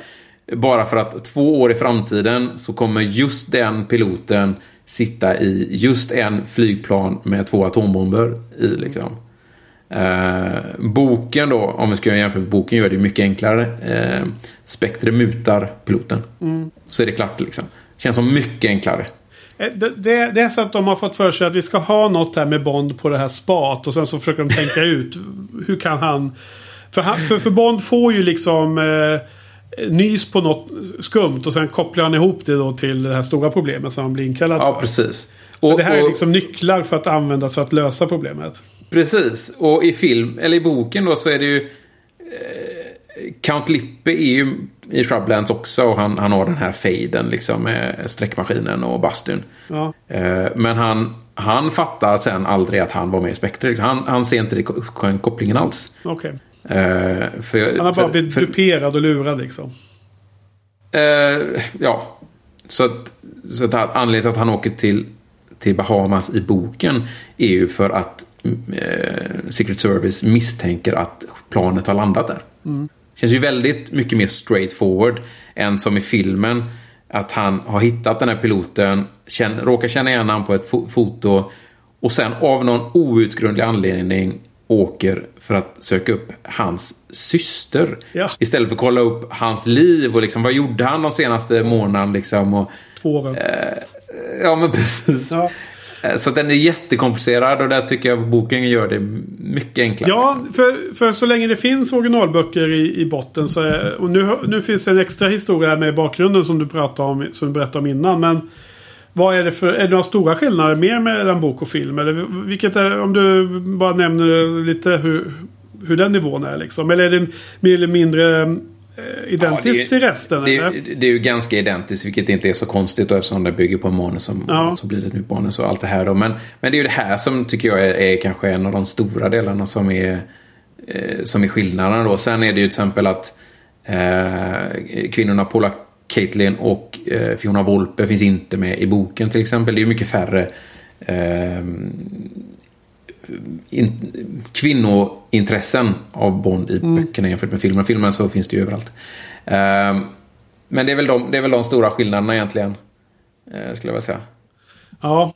Ehm, Okej, intressant att höra. Annars är det normalt sett att skriva en eh, bok efter film. Eh, filmer som görs ibland. Om det är så här populära filmer som skrivs till någon, eh, någon spökskrivare. Det är ju helt värdelöst. Alltså, har Ja, du, har du läst den här som gjorts efter Serenity? Eller Joss Whedons? Ja, eh, nej jag har inte lä- Har de gjort en bok om filmen Alltså, Serenity? Eller? ja. eller eh, ja. I Nej, jag har inte läst romanform liksom. Det- Men, men däremot, har jag, däremot har jag läst fem stycken Bond-filmer i romanform. Ja. Alltså sådana som inte är skrivna av Fleming då, utan Nej. som de tagit manuset och skrivit. Och det kommer jag att prata om säkert när vi kommer till Ja, men det får du göra. Det, det är, inte det är, oftast inte, det är oftast inte bra. Man kan ju få lite extra info. Eh, Det kan man ju få. Eh, Kanske varför han gjorde vissa saker eller hon eller så här. Det, det, det är så. Men eh, Men ve- vem är det som, som står för den infon då? Vad, hur, är det kanon och så vidare? Det är ju sådana saker då. Ja, måste- eh, kanon är det väl om det är en officiell bok. Men det kan ju vara saker som de har klippt bort i filmen till exempel. Det, så kan det vara. Eller att de eh, har motiverat skådespelarna med viss bakgrundsinfo. Så, så skulle det kunna vara. Mm. Just det. Ja, eh, vilket fall som helst här då så... Eh, blir han ju kallad till M och då eh, kommer han in i ett stort rum där. Och då är helt plötsligt alla 007, eh, eller O-agenterna heter det ju, där. Och det är väl Ja. inte det vanligaste att man ser, eller? Nej, verkligen inte. Och, och det lustiga är att, att M säger väl typ att det är alla dubbelnollor i Europa som blivit inkallade. Jaha. Vilket föreslår att, att det skulle vara ännu fler än de här då. Ja, Ehm, skulle det vara fyrsiffriga? ja, det, fin det finns fyrsiffriga eh, 0012 och såna grejer. Det, det, Okej. finns. Jaha, annars är det ju bara nio tänker jag. Ja, och som du kanske såg så var det ju nio stolar. Ja. Och Bond satsade på den sjunde. Ja. Och det skulle ju då, jag antar att det skulle betyda att ja, det här var 001 till 009 då. Ja. Även om det aldrig uttryckligen sägs det då. Eh, och det här är ju den scenen i, i filmerna som man ser flest dubbelnollor. Det finns några dubbelnollor som dyker upp i de andra filmerna också. Ja, men då har han... Eh. Eh, 006 sitter bredvid honom där då. Och, och som osar ondska. Eller? Om det var samma 006. Ja. Ehm, för det finns ju faktiskt, det har man fått ehm, i de senare böckerna då efter Fleming. Eh, det finns en bok som, som till och med pratar om 007. Den 007 innan Bond så att säga. Ah. Så det finns eventuellt, i alla fall, det är ju ingenting som i Flemings böcker, men, men i, i de senare böckerna så verkar det som att man, man eh, håller kvar, man går liksom inte upp till 0058 liksom, utan man håller sig ganska lågt. Då. Det, det, det är Men- liksom mer en tjänst som man kan få. Ja, eh, precis. Som kan gå Ehm, till olika anställda. Precis. Att, att få en dubbelnolla, det är egentligen en utmärkelse. Ehm, för, att, för att få en dubbelnolla så måste man eh, under ett uppdrag ha blivit tvungen att döda en människa. Så är de, definitionen. Eh, det betyder inte att du automatiskt blir dubbelnolla, men det är en utmärkelse man får som en ja, belöning för att man har gjort detta mordet. Då. Ehm, och sen, eh, sen vet jag att de pratar ju om att har man en dubbelnolla så har man rätt att döda. Då. Det är Ja. lite tveksamt i och för sig. Mord i tjänsten då vi, vi pratar om här. Ja, precis. Jag tror att de pratar om Bonds eh, två mord. Han, han dödar just två stycken innan han... Man behöver inte döda just två, men just Bond dödade två stycken innan han fick sin dubbelnoll. Jag tror de nämner lite grann i, i den senare Casino Royale-filmen. Men de, de han dödade var en japansk skifferexpert i New York eh, och en norsk dubbelagent i Stockholm. Ah, okej. Eh, ingen, av de här, ingen av de här morden finns porträtterade i någon av de officiella böckerna. Fanfiction finns ju då, men inte... Jag, tror inte någon av de här finns, eh, vad jag vet. Så en, en snubbe som jobbar med sten och en, en som var i Stockholm. Eller det var, det var, det var inte sån skiffer. Det var inte... Nej, ja, Tom Schiffer. Nej, Nej. inte sån Schiffer. Okej. Ja, det var med hemlig kodning. Det, var nog, det var nog det. En kodexpert. Uh, nej, precis. Men, men, det, vad, det, men vad gjorde norsken i Stockholm då? Som var, varför skulle han tas ihjäl? Ehm, han var ju en dubbelagent då. Eh, så att eh, han jobbade väl för den leder fi. Eh, jag kommer inte ihåg. Det är, som sagt, det finns ju ingen officiell. Det finns ju bara fanfiction om detta. Så att, officiellt så finns det inte en beskrivning exakt på Men- vem han jobbade för också. Men det var kanon att han hade dödat någon i Stockholm. Men inte... Mm. Absolut. Det, det som Inte var hur fanfic och- var hur det äventyret gick till. Då. Ja, precis. Jag, jag, tror, hur, jag tror han dödade honom med kniv i, i... Skulle göra det i sömnen, men jag tror han vaknar upp och det blir en väldigt blodig historia. Det är väl typ det han nämner någonting, tror jag, Ja. i någon bok då. Okej, då är det lite Ja, men ingenting- ingen bakgrund, Royale så. där också då. Lite lik. Ja, precis. Det är, det är ju de, den boken. Men du... ehm, Men, men Berätta. ja, alltså... I den här, som jag sa då, den här scenen är ju då man ser flest dubbelnollor som sagt i filmerna. Mm. Eh, Det känns som det finns väldigt många dubbelnollor i filmerna. Medan i böckerna så... så eh, oftast pratar de bara om tre stycken dubbelnollor då. 007, 008 och 011 är väl de som nämns i, i Moonraker. Och sen så vet jag att 009 nämns just i den här boken. Eh, att eh, kanske skulle ta över eller vad det var. Eh, och sen även eh, 006 är med i en bok tror jag. Så det är väldigt få Okej. dubbelnollor. Och aldrig med namn eller att man får följa dem i first person point of view och Nej, sådär. Eller? nej jag, tror, jag tror att, eh, att Bond eh, hänvisar till en av dem, 008, som Bill vid ett tillfälle. Men inte, inte mer än så. I, I filmerna tror jag de har ibland na- riktiga namn, så att säga. Eller verkligen Ja. går ut med namnet. Inte böckerna. Eh, har... ehm, framgår det någon gång i böckerna om, liksom, om de har... Um, um, hänger, de, hänger de med varandra efter jobbet så att säga? Eller går de och tar en öl på puben och så? Eller vad, vad gör de? Har de sån relation? Eh, nej, inte, inte, vad jag har, inte vad de skriver.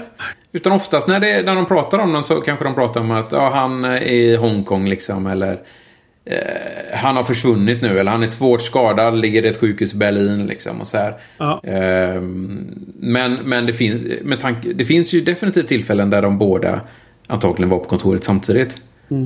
Eh, böckerna beskriver mycket mer den trista vardagen som Bond har ibland. Att han sitter på kontoret och läser papper och skriver rapporter och, och sådana här grejer.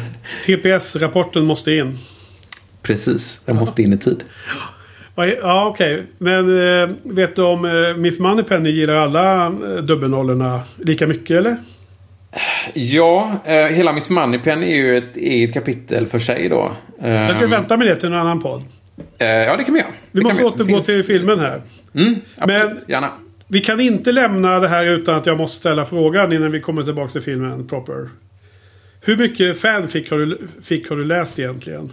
Det lät precis som att du sa att du hade läst För, något. för mycket. För Ja. mycket. Jag har läst ganska mycket fanfiction. Usch då. Ja, det där måste vi också återkomma till någon gång. På min, på min hemsida hade så hade jag även recensioner av fanfiction. Åh, kan När böckerna tog slut så blev jag tvungen att fortsätta med det. Känner jag dig? ja, ja. Nej, men det är kanske inget fel med det. Det kanske är helt coolt. Ja, ja. Nej, men eh, okej. efter 43 minuter får Bond uppdraget att åka till Kanada i alla fall. Men så säger jag, nej jag Ja. åker, hellre till Jamaica för att det verkar mycket hon, hon varmare verkar, där. han, ja, och hon verkar mycket snyggare liksom. Ja, precis. Ja, eh, just det. Men då, då lämnar vi eh, Pat Fearing till sitt öde. Det, vi har inget mer att säga om det, eller? Äh, det är väl i så fall kommentaren hur de lämnar varandra. Eh, hon säger ju anytime, any place. Och han svarar Jag kommer inte ihåg. anytime, eh, eh, nej, another time, another place. Ja, okej. Vilket är, vilket är en, en film som Connery gjorde för några, några år innan detta. Jaha, okej. Ja. Ja. men det visste inte jag då heller. Nej, Ja, men, men eh, han, han gjorde ju just en film som heter precis så. Då, så det är väl en... okej. Det måste ju vara en, en, en, en, en nod till den filmen.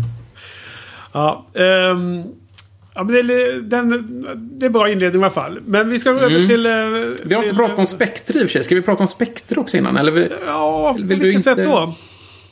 Ehm, Gärna, men, ja. men vilken, eh, vilken vinkling menar du just? den, eh, det är väl egentligen bara några korta kommentarer. Vi, vi pratade i Dr. No om, om den här eh, tavlan som blev stulen och dök upp hos Dr. No. Kommer du ihåg den? Ja, ja, ja, som man trodde var Napoleon först.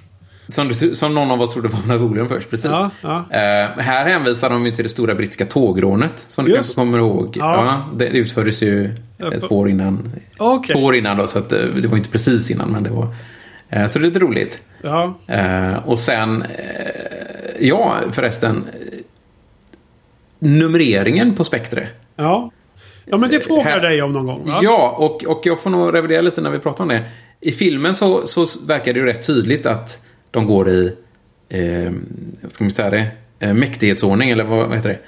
Eh, rangordning så att säga. Ja, rangordningen. För Blowfelt är ju ett liksom och Ja. eh, Largo är ju två då. Han verkar ju stå ganska högt där. För han har ju hela den här... Han är ju projektledare för den här, för, för den här Ja. stölden då. Alltså, ska man jä- jämföra hur mycket pengar de drar in på de olika så är det ju verkligen eh, hans eh, deal på 100 miljoner pund är ju bra mycket mer. Liksom. Ja, absolut. Mm, Så, så det förstår man ju att han, han var, fick en bra cred för det där. Då. Precis. I böckerna då så, så är ju... Så har de ett annat system. Då de är 20 översta i organisationen. Ja. De är numrerade 1 till 20 då. Men de roterar, eller de, ja, de roterar numren varje månad. Så de byter nummer liksom. Random kan jag tänka mig. Aha, det, Eh, och så det är bo, alltså- så i, det- så i lite boken är Blowfelt... Ja, Det är lite som Mr Orange, Mr Brown, Mr Pink och så. ja, och så byter de färg varje, Nej varje men att det ska då. vara av... Det, syftet är bara att man, man ska inte kunna identifiera dem och så. Det ska Ja, så liksom inte så, ja, vetas. precis. Precis, så de, de har ju aldrig namn, liksom, de pratar ju aldrig namn i den här organisationen egentligen, eller väldigt sällan.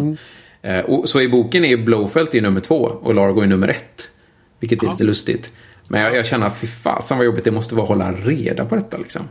Ja, men det, det var väl det intressanta var väl att det skulle vara inte rätt person utan det skulle vara mer något annat då. då. Det var det jag tänkte Ja. att liknande, Ja.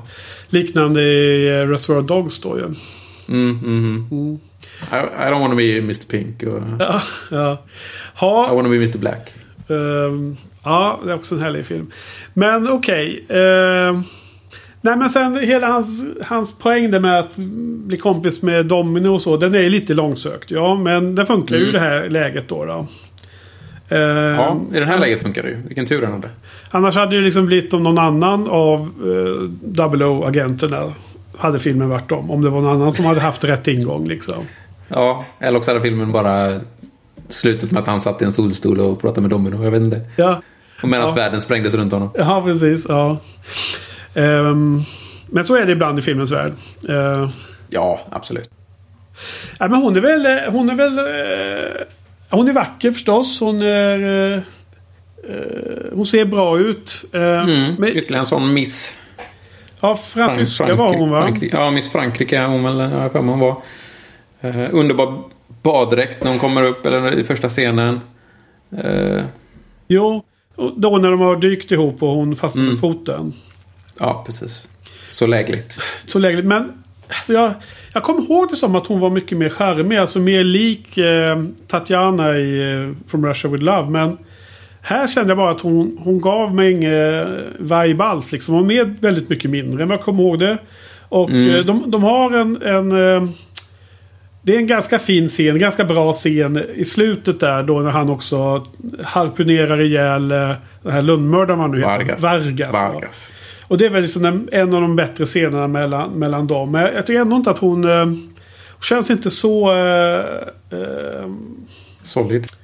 sol, nej men det är fel ord. Alltså så eh, charmerande eller liksom... Eh, gör mig så... Eh, eh, förtjust i henne som karaktär. Hela paketet. Nej. Vad tycker du Jag om. Domino?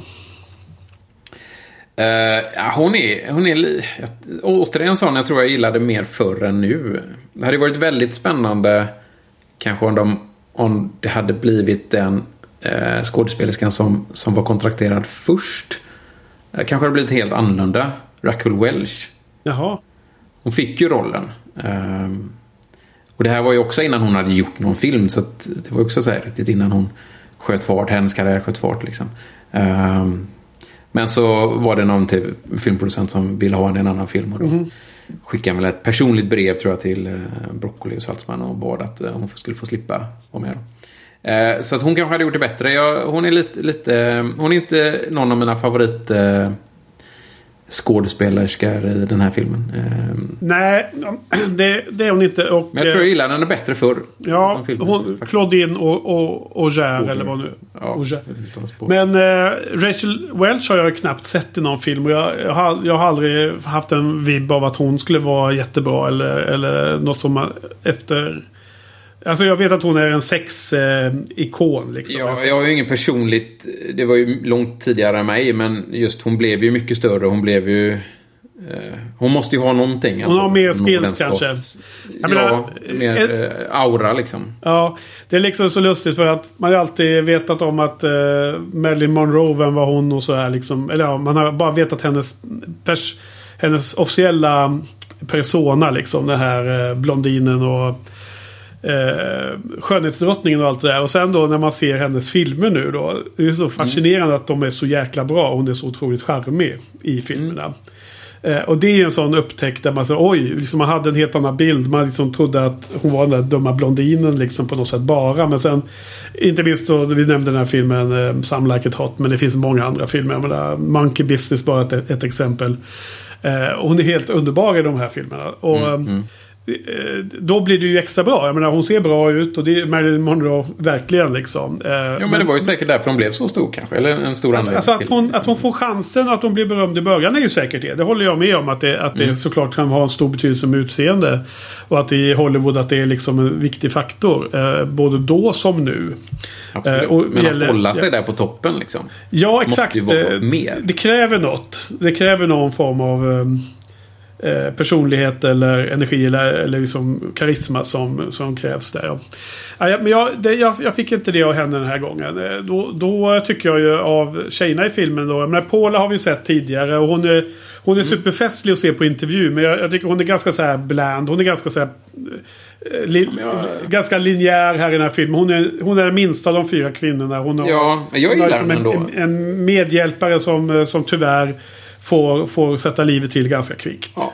Du jag tycker det, det lilla hon gör tycker jag hon gör bra. Ja, ja, men hon är bra. Hon är okej liksom. Sen är hon ju väldigt rolig att se på intervjuer. Hon, där där lever hon upp. Så hon är lite kul där. Men den, den allra bästa eh, Bondbruden eller eh, i den här filmen är ju Fiona Volpe tycker jag absolut. Luciana Paluzzi. Utan tvekan. Hon är en av mina favorit-henchmen genom tiderna kan jag ju säga. Ja, absolut. Hon det, det förstår jag. Superhärlig. Eh, stark kvinna. Eh, gör vad hon vill. Underbart namn. Bara liksom Fiona Volpe. Jag älskar liksom bara namnet liksom. Det, Ja. Nej, hon är absolut en av mina favoriter. Ja. Sannoliken, och det är otroligt synd att de inte höll henne vid liv så att hon kunde kom, återkomma många gånger. För hon, är ju lite... Hon är har ju en viss rang här också får man en känsla av. Hon, jag tror att hon till och med är typ näst efter uh, nummer två då. I, jag här tror på Jamaica. jag tror hon, inte- hon, be, hon, Ja. hon ger folk order. Hon är i alla fall mellan Ja. eh, Largo och de här I, eh, I det här projektet så, precis, hon, i det här projektet så verkar hon ju vara det. Hon är ju inte någon av de 20 vad jag förstår topp. Men där finns det ju massa över hela världen då, så det kanske inte är så svårt. Men här verkar hon ju vara rätt så, Ja, det är synd att hon inte är... Ja. Mm, nej, jag gillar henne. Det- Och det är också en härlig scen med henne där, med, med honom där. eh, Alltså dels den här dialogen. Och dialogen generellt sett i hela filmen tycker jag är underbar. Dialogen är en otrolig styrka. Det är som nästan varje scen som det är något eh, undermening. Det kan vara glimten i ögat. Det kan vara sexuella anspelningar. Men det kan också vara ganska många eh, i filmens kontext roliga undermeningar. De, speciellt när, när Bond eh, tar den, gör den här dansen med Fiona Volpe. De båda eh, prövar varandra. De båda vet att den andra vet nästan. Och ändå så kör de den här den här dansen, om man säger dansen inom app- fnuttar. De Ja. liksom... De, eh, det är som två eh, schackspelare som liksom testar varandra lite i början av ett, ett schackspel. För att de vet att det kommer ett endgame sen. Men nu i början så kan man bara liksom lite hövligt testa varandra. Det, det är den känslan man får. Ehm, eh, jag menar, hon, är, hon är som du säger stark och ganska vass och så. Jag menar, de, de hamnar i säng. Hon är ju, eh, till skillnad från i förra filmen, så är hon ju i högsta grad medverkande till det i det här fallet. Och sen när hennes henchmen kommer, hennes eh, muscle och de eh, fångar in Bond. Då, då så eh, hånar hon, hon ju Bond. Eh, som jag tror nästan skulle kunna vara en blinkning till Goldfinger. Att du liksom tror att du är så eh, magnetisk. Att det räcker med att du eh, go, go to bed with a woman eller sånt där. Så kommer hon byta sida liksom. Men där är hon bara, hon bara river ner hans, eller rättare sagt publikens bild om Bond liksom. Att, att, han, att han skulle ha fått över henne på, på sin sida.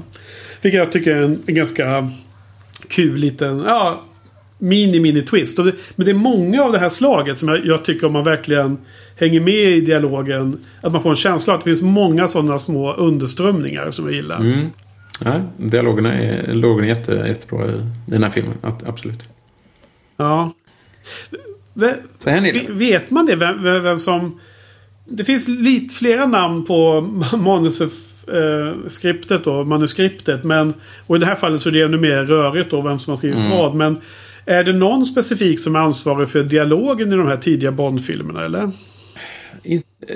Så kan det ju vara, men det är ingen som, inget som jag på rak arm kan komma ihåg. Ja. Ofta, ofta har de ju med folk som inte får någon cred överhuvudtaget. Liksom, som Ja. skriver lite grann och så. så, så nej, jag, inte jag...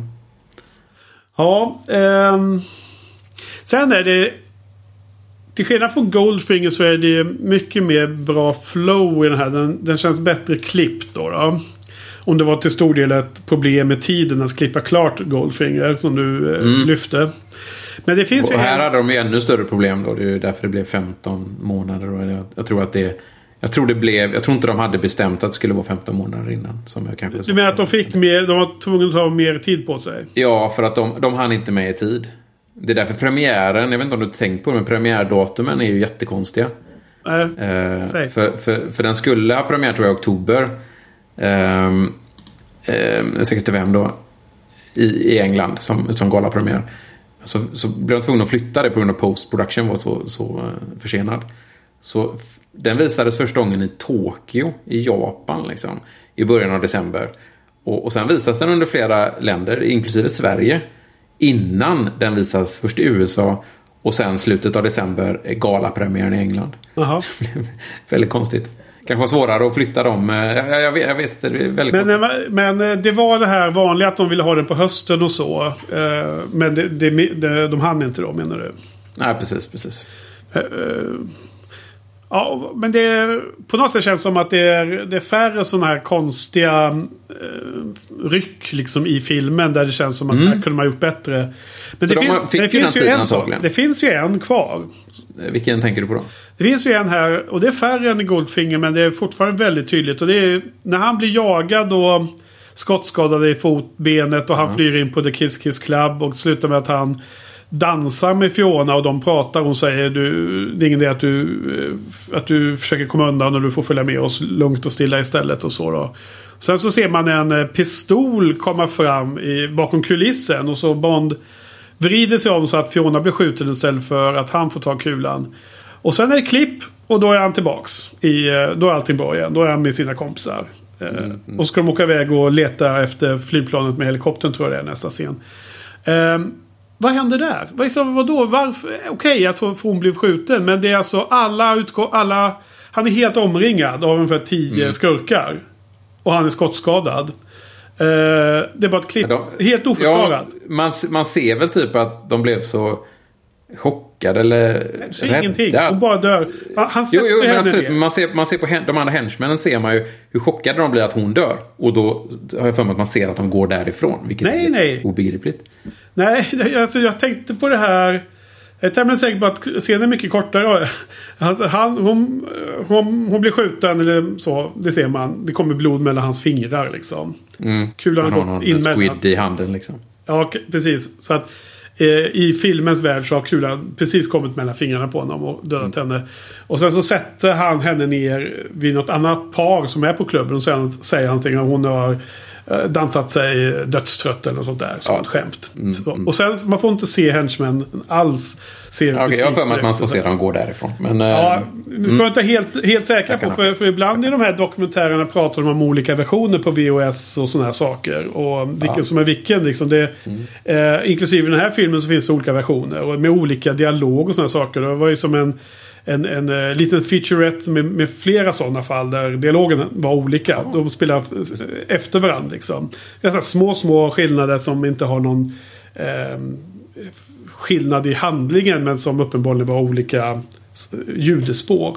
Ja, ja. ja, de har ju dubbat eh, som vanligt. Dubbar massor av eh, skådespelaren. Så att då är det ju lätt att ändra i efterhand. Mm. Ja, nej men så runt där är det ju, tycker jag, det var lite konstigt, lite jarring. Och eh, hela den jaktscenen i den här eh, festivalen tycker jag är kanske filmens svaga scen egentligen. Jag tycker den är lite dåligt eh, filmad och dåligt foto. Dåliga eh, mörk, mörkt och, och, och, och skumma färger istället för bra filmad Ja, kvällsscen. det kan jag hålla med. Det kan jag hålla med. Så tycker jag. Ja, det var lite kommentar runt det då. Ja, ehm, vi kan Jo. gå till... Ja, Ja, jag ska en sak så jag inte glömmer det. ja visst. Eh, nu har vi redan hunnit prata klart om Domino. Jag glömde helt enkelt. Får jag, får jag springa tillbaks till eh, om Domino? Ja, spännande. Ja, jag tycker att det finns en liten detalj som jag vill höra om du la märke till och om du i så fall eh, håller med. Eh, och även för lyssnarna. Eh, det är inte så många scener med, med dem. Och eh, Scenerna är bra i och för sig. Hon, alltså, hon gör ju ett bra jobb, hon Domino. Men Ja, hon är inte hon, hon har liksom Det- inte... Hon har ingenting i filmen att jobba med som gör att man blir Nej. förtjust i henne. Nej, jag- Eller håller henne som en bra... Hon är ju liksom det stora love interest och den som han spenderar sista scenen med. Då, hur absurd den nu än må vara. Mhm, definitivt. Ja, eh, inte, Whiplash, inte, inte, mest, inte det minsta rolig heller. Liksom. Det, var bara, det var en ny grej tror jag och de bara fick låna den. Och, och, och en sån här teknisk grej som de ville Ja. slänga in. Vilket fall som helst. Jo, men i någon av de allra första scenerna så... Jag tror de ska... Jag tror att så här är det. Han... Eh, han är inne och spelar kasino mot Largo. Och sen så... så eh, efter Bond har vunnit massa pengar av honom så, så går han bort och ska ta en drink med dem. Då. Han, han frågar får jag bjuda damen på en drink istället? Ja, gör det. Då går de och sätter sig vid ett bord. Och så nämner Domino med eh, stor kärlek ser man när hon pratar om sin bror. Och då spelar Sean Connery den scenen så himla bra. När man ser att han reagerar på när hon nämner brodern så kärleksfullt. Man ser det i hans ögon och i hans ansikte. Eh, smärtan han känner runt det här. För han vet ju vad som har hänt. Han vet redan att han är död. Ja, Alltså, han han vet är- att han måste berätta detta för henne Ja. vid något tillfälle sen. Liksom. Ja. Och, och jag tolkar som han, han, han bara förstår eh, smärta som hon kommer få när hon får reda på det oavsett liksom, om det är han eller någon annan också. Och sen dessutom får han ju själv rätta i det här fallet. Men han, han vet ju ännu inte riktigt att det sitter en till som ser likadan ut i, i, på, på botten av, av i vattnet där och i flyget. Man har ju sett Den ena Nej, död. Mm. Och sen den andra är också död då. Mm. Fast det är ju den första han har sett som är den riktiga ju. Ja, det är, ja precis, precis. Han vet ju att brodern verkligen är död. Ja. Mm. Och jag tycker att det, var, det är liksom sådana små detaljer eh, som gör att man... Eh, det bygger upp. Man älskar eh, Connerys version av Bond väldigt mycket. Och det är hela hans... Det är många gånger han spelar väldigt bra i det lilla. Och du sa att de hade fått en... Eh, en Oscars för eh, sound eh, design eller något sånt där i förra filmen. Mm. Eh, och i den här fick de ju för eh, specialeffekter då. Precis, John Steers. Ja. Han får ju, bara för att som du tog upp det här nu helt plötsligt, han får ju sin andra Oscars tio år senare med Star Wars. Ah, Okej. Det är, det är samma kille. Det är samma, ja. För sen så eh, tills de när de gjorde den här dokumentären som är med på Blu-rayen så hade de inte fått några fler Oscars tror jag, Bond-filmerna. Och, eh, väldigt, väldigt konstigt för att jag menar, det är ju gammal, fler. ja, den, det finns fler eh, Oscars som Bondfilmer. Men, men då, då, det, du vet ibland är det också intervjuer som är mer... Eh, det kan vara alla åldrar på de här. Även om man ser en dokumentär om filmen som är gjord på 2000-talet så kan de ha tagit eh, intervjuer. Det kan vara med honom där till och med på Ja. 60-talet eh, inser jag nu direkt. Så det säger inte så mycket. Men han, han, han nämner i alla fall att de borde, det borde vara fler filmer av Bond-serien som borde ha fått Ja, Oscars. ja, det tar, tar väl några år. De, de, tar, de får väl någon nominering och så, men det tar nog ganska många år innan de får en Oscar sen. Att de Ja, vinna. det kan ha varit då någonstans innan nästa Oscar då. För att han kommenterar det. Och, men nu vet jag inte om Sean Connery skulle få en Oscar för bästa manliga huvudroll. Om det var liksom eh, egentligen relevant. Men jag måste säga att jag tycker han är jäkligt skarp i vissa av de här små, små scenerna. Hans ansiktsuttryck och hans, hans spelar eh, Men det gör eh, känslor väldigt bra Ja, i vissa jag- scener. En, en, en liten scen som jag blev väldigt förtjust i Connery i den här filmen var ju när han kommer in till Miss Moneypennys kontor och ska kasta hatten, precis som man gör i Goldfinger, kasta hatten Ja. till hatthållaren där. Ja, Och så står den precis vid dörren. Så han Ja. kunde inte, liksom, han blev tvungen att hänga den istället för att... ja just det. Jag kommer ihåg man det. ser liksom han, hans förvåning och bara, "Jaha, okej, ja, då hänger vi den. Och, och sen, absolut, det är jättekul. Och sen när han lämnar så finns det ingen hatte längre. Då Nej, jag också vet. Jag, ut. vad, vad tog hatten vägen liksom? Ja. Vad tog hatten vägen? Ja, man undrar ju det, ja. ja, ja. ja. Ehm, just det. Mm. Br- Bröt, avbröt jag dig någonting? Ja, jag tänkte vi har pratat om kvinnorna. Vi kan prata om eh, den nya Felix Leiter. Ytterligare en ny Felix Leiter. Ja, just det. Han, jag gillar honom i den här filmen. Det, är- det är en bra Felix Leiter tycker jag. Det här är en bra Felix Leiter, ja. Um, Rick van Nutter, eh, som han heter. Eh, gift med Anita Ekberg. Jaha, okej. Ja, och eh, som, som du kanske minns från, från, från Russia with Love så var ju Anita Ekberg med i en E.ON-producerad film. Call me Buana. Ja. Eh, Skurken dök Med- ut med hennes där, ja. Precis. Eh, Så det var ju så eh, de eh, träffade Rick van Nutter då och tyckte liksom att du ser precis ut som Fleming beskrev Felix Leiter i böckerna. Okej. Vill du ha rollen? Ja, okej. Så, så blev det så. Ja. Coolt. Han, nej, men jag gillar han. Eh, Känns som rätt ålder. Om man tänker på Goldfinger så var han lite för gammal tycker jag. Rätt ålder, liksom, mm, man kan tänka sig att han, ja, kan nog vara en agent. Liksom amerikansk, lite mer sån här eh, cowboyaktig. Mm. Eh, så, ja. CIA. Mm. Kul. Ja. Okej, men du... Eh, ja, så har vi hela den här undervattenshelvetet helvetet då. då. Är, är det bra eller? Eh, Det roliga är ju att, något som vi inte pratade om, varför inte Guy Hamilton återkom till som re- regissör till den här filmen. Eh, En av anledningarna var just på grund av den här scenen.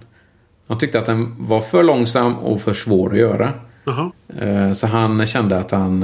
Och sen kände han också att han inte hade... Han hade inga mer idéer för en Bondfilm. Så han kände att han stod över det. Ehm, Ja. Så, så, det, så det var ju faktiskt... Så det känns ju redan på pappret så känns det så här måste ju vara en jättesvår scen att göra. Under vatten så länge och så liksom få det till... Man, man är ju ganska långsam i vatten. Och få det till någon, något liksom spännande då. Ja. Eh, Jag tycker Terrence Young lyckas ganska bra. Jo, men jag, jag, jag var lite... Det var inte allvarligt menat. Jag tycker att scenen Nej. är, hö- höll oväntat väl. Jag tror Mm. sju år sedan, då var jag mer störd över dess längd. Idag tyckte jag att den var... Eller häromdagen jag såg den så tyckte att den var ganska okej faktiskt.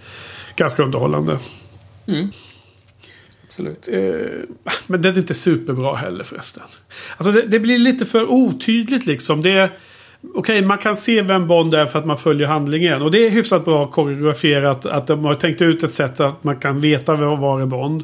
Och man kan, Ja, och- man kan och även vem som se är skurk och- Ja, för hans hår där och det blonda. Ja, men vem som är skurk och vem som är som har två olika färger på... Jo, jo, det, det, den basic-saken täcker de in. Men alla actionfilmer kan göras bättre eller sämre. Och en viktig eh, faktor är hur, pass du, hur bra du hänger med i vad som händer som åskådare. Alltså hur du har koll på rummet. Den tredimensionella rymd de befinner sig i. Eh, hur man skjuter och rör sig eller sparkar och slåss. Alltså, där jag då tycker att till exempel eh, Bourne-trilogin är oftast väldigt bra på att, att, att implementera sådana, göra sådana eh, scener som att man verkligen känner att man förstår exakt vad som händer i scenen. Och, det, och det var de hyfsat bra på här också. Man, man visste vad, vem som var Bond och man visste vilken som var Largo. Och resten var bara nameless, faceless och de hade liksom de bara skulle överleva eller dö liksom. Resten var bara eh, bönder på schackbrädet. Ja. Men, men alltså det finns andra Bondfilmer, inte minst ur dödlig synvinkel, där jag tycker att undervattensscener är mycket, mycket bättre. Mycket mer e- effektivt för berättelsen, för, för 20, spänningen. 20 år senare dock. Så att det Jo, jo. Men, men, är absolut, rent jag håller med dig. tekniskt För, 20 år senare, men också... med tanke på att detta var första gången som det gjordes så görs det väldigt bra. Ja. Mm. Eh, Men jag håller med dig. Det, det finns, Ja. Man kan göra saker bättre, definitivt. Eh, Och sen, det börjar och 1.55 ungefär och då är filmen bara 2.10.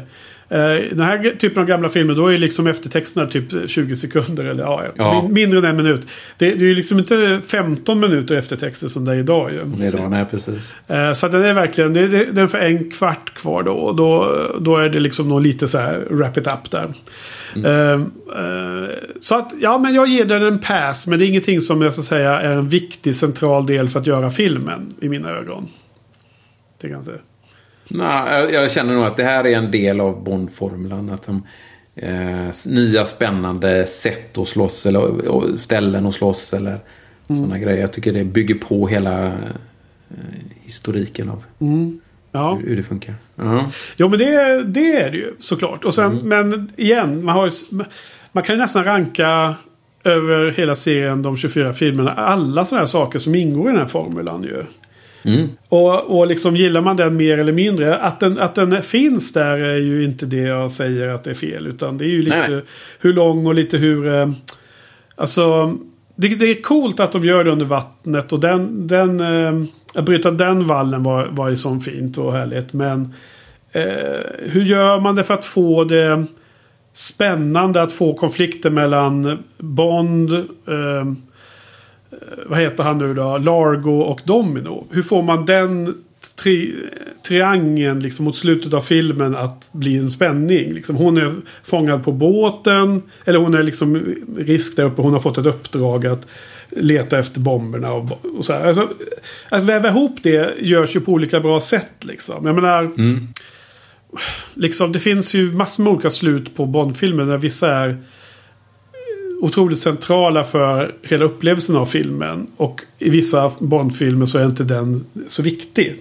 Även om det ingår i formulan. Och här känner jag lite att i den här filmen tycker jag att det är en ganska... Den är mer, tenderar att bli en mindre viktig del av hela filmen. Mm. De får ihop tri den triangeln dock eh, ganska fint. eh, Där Domino, är, Domino är den som dödar storskurken i det här fallet, lite oväntat. Ja, det är underbart. Eh, det är, Ja, jättebra är det är ju superbra ju. Eh. Man, man förstår ju anledningen till att hon gör det, liksom just det här med hämnden och Ja. hon är riktigt nöjd med det liksom. Ja, och jag, jag älskar det här...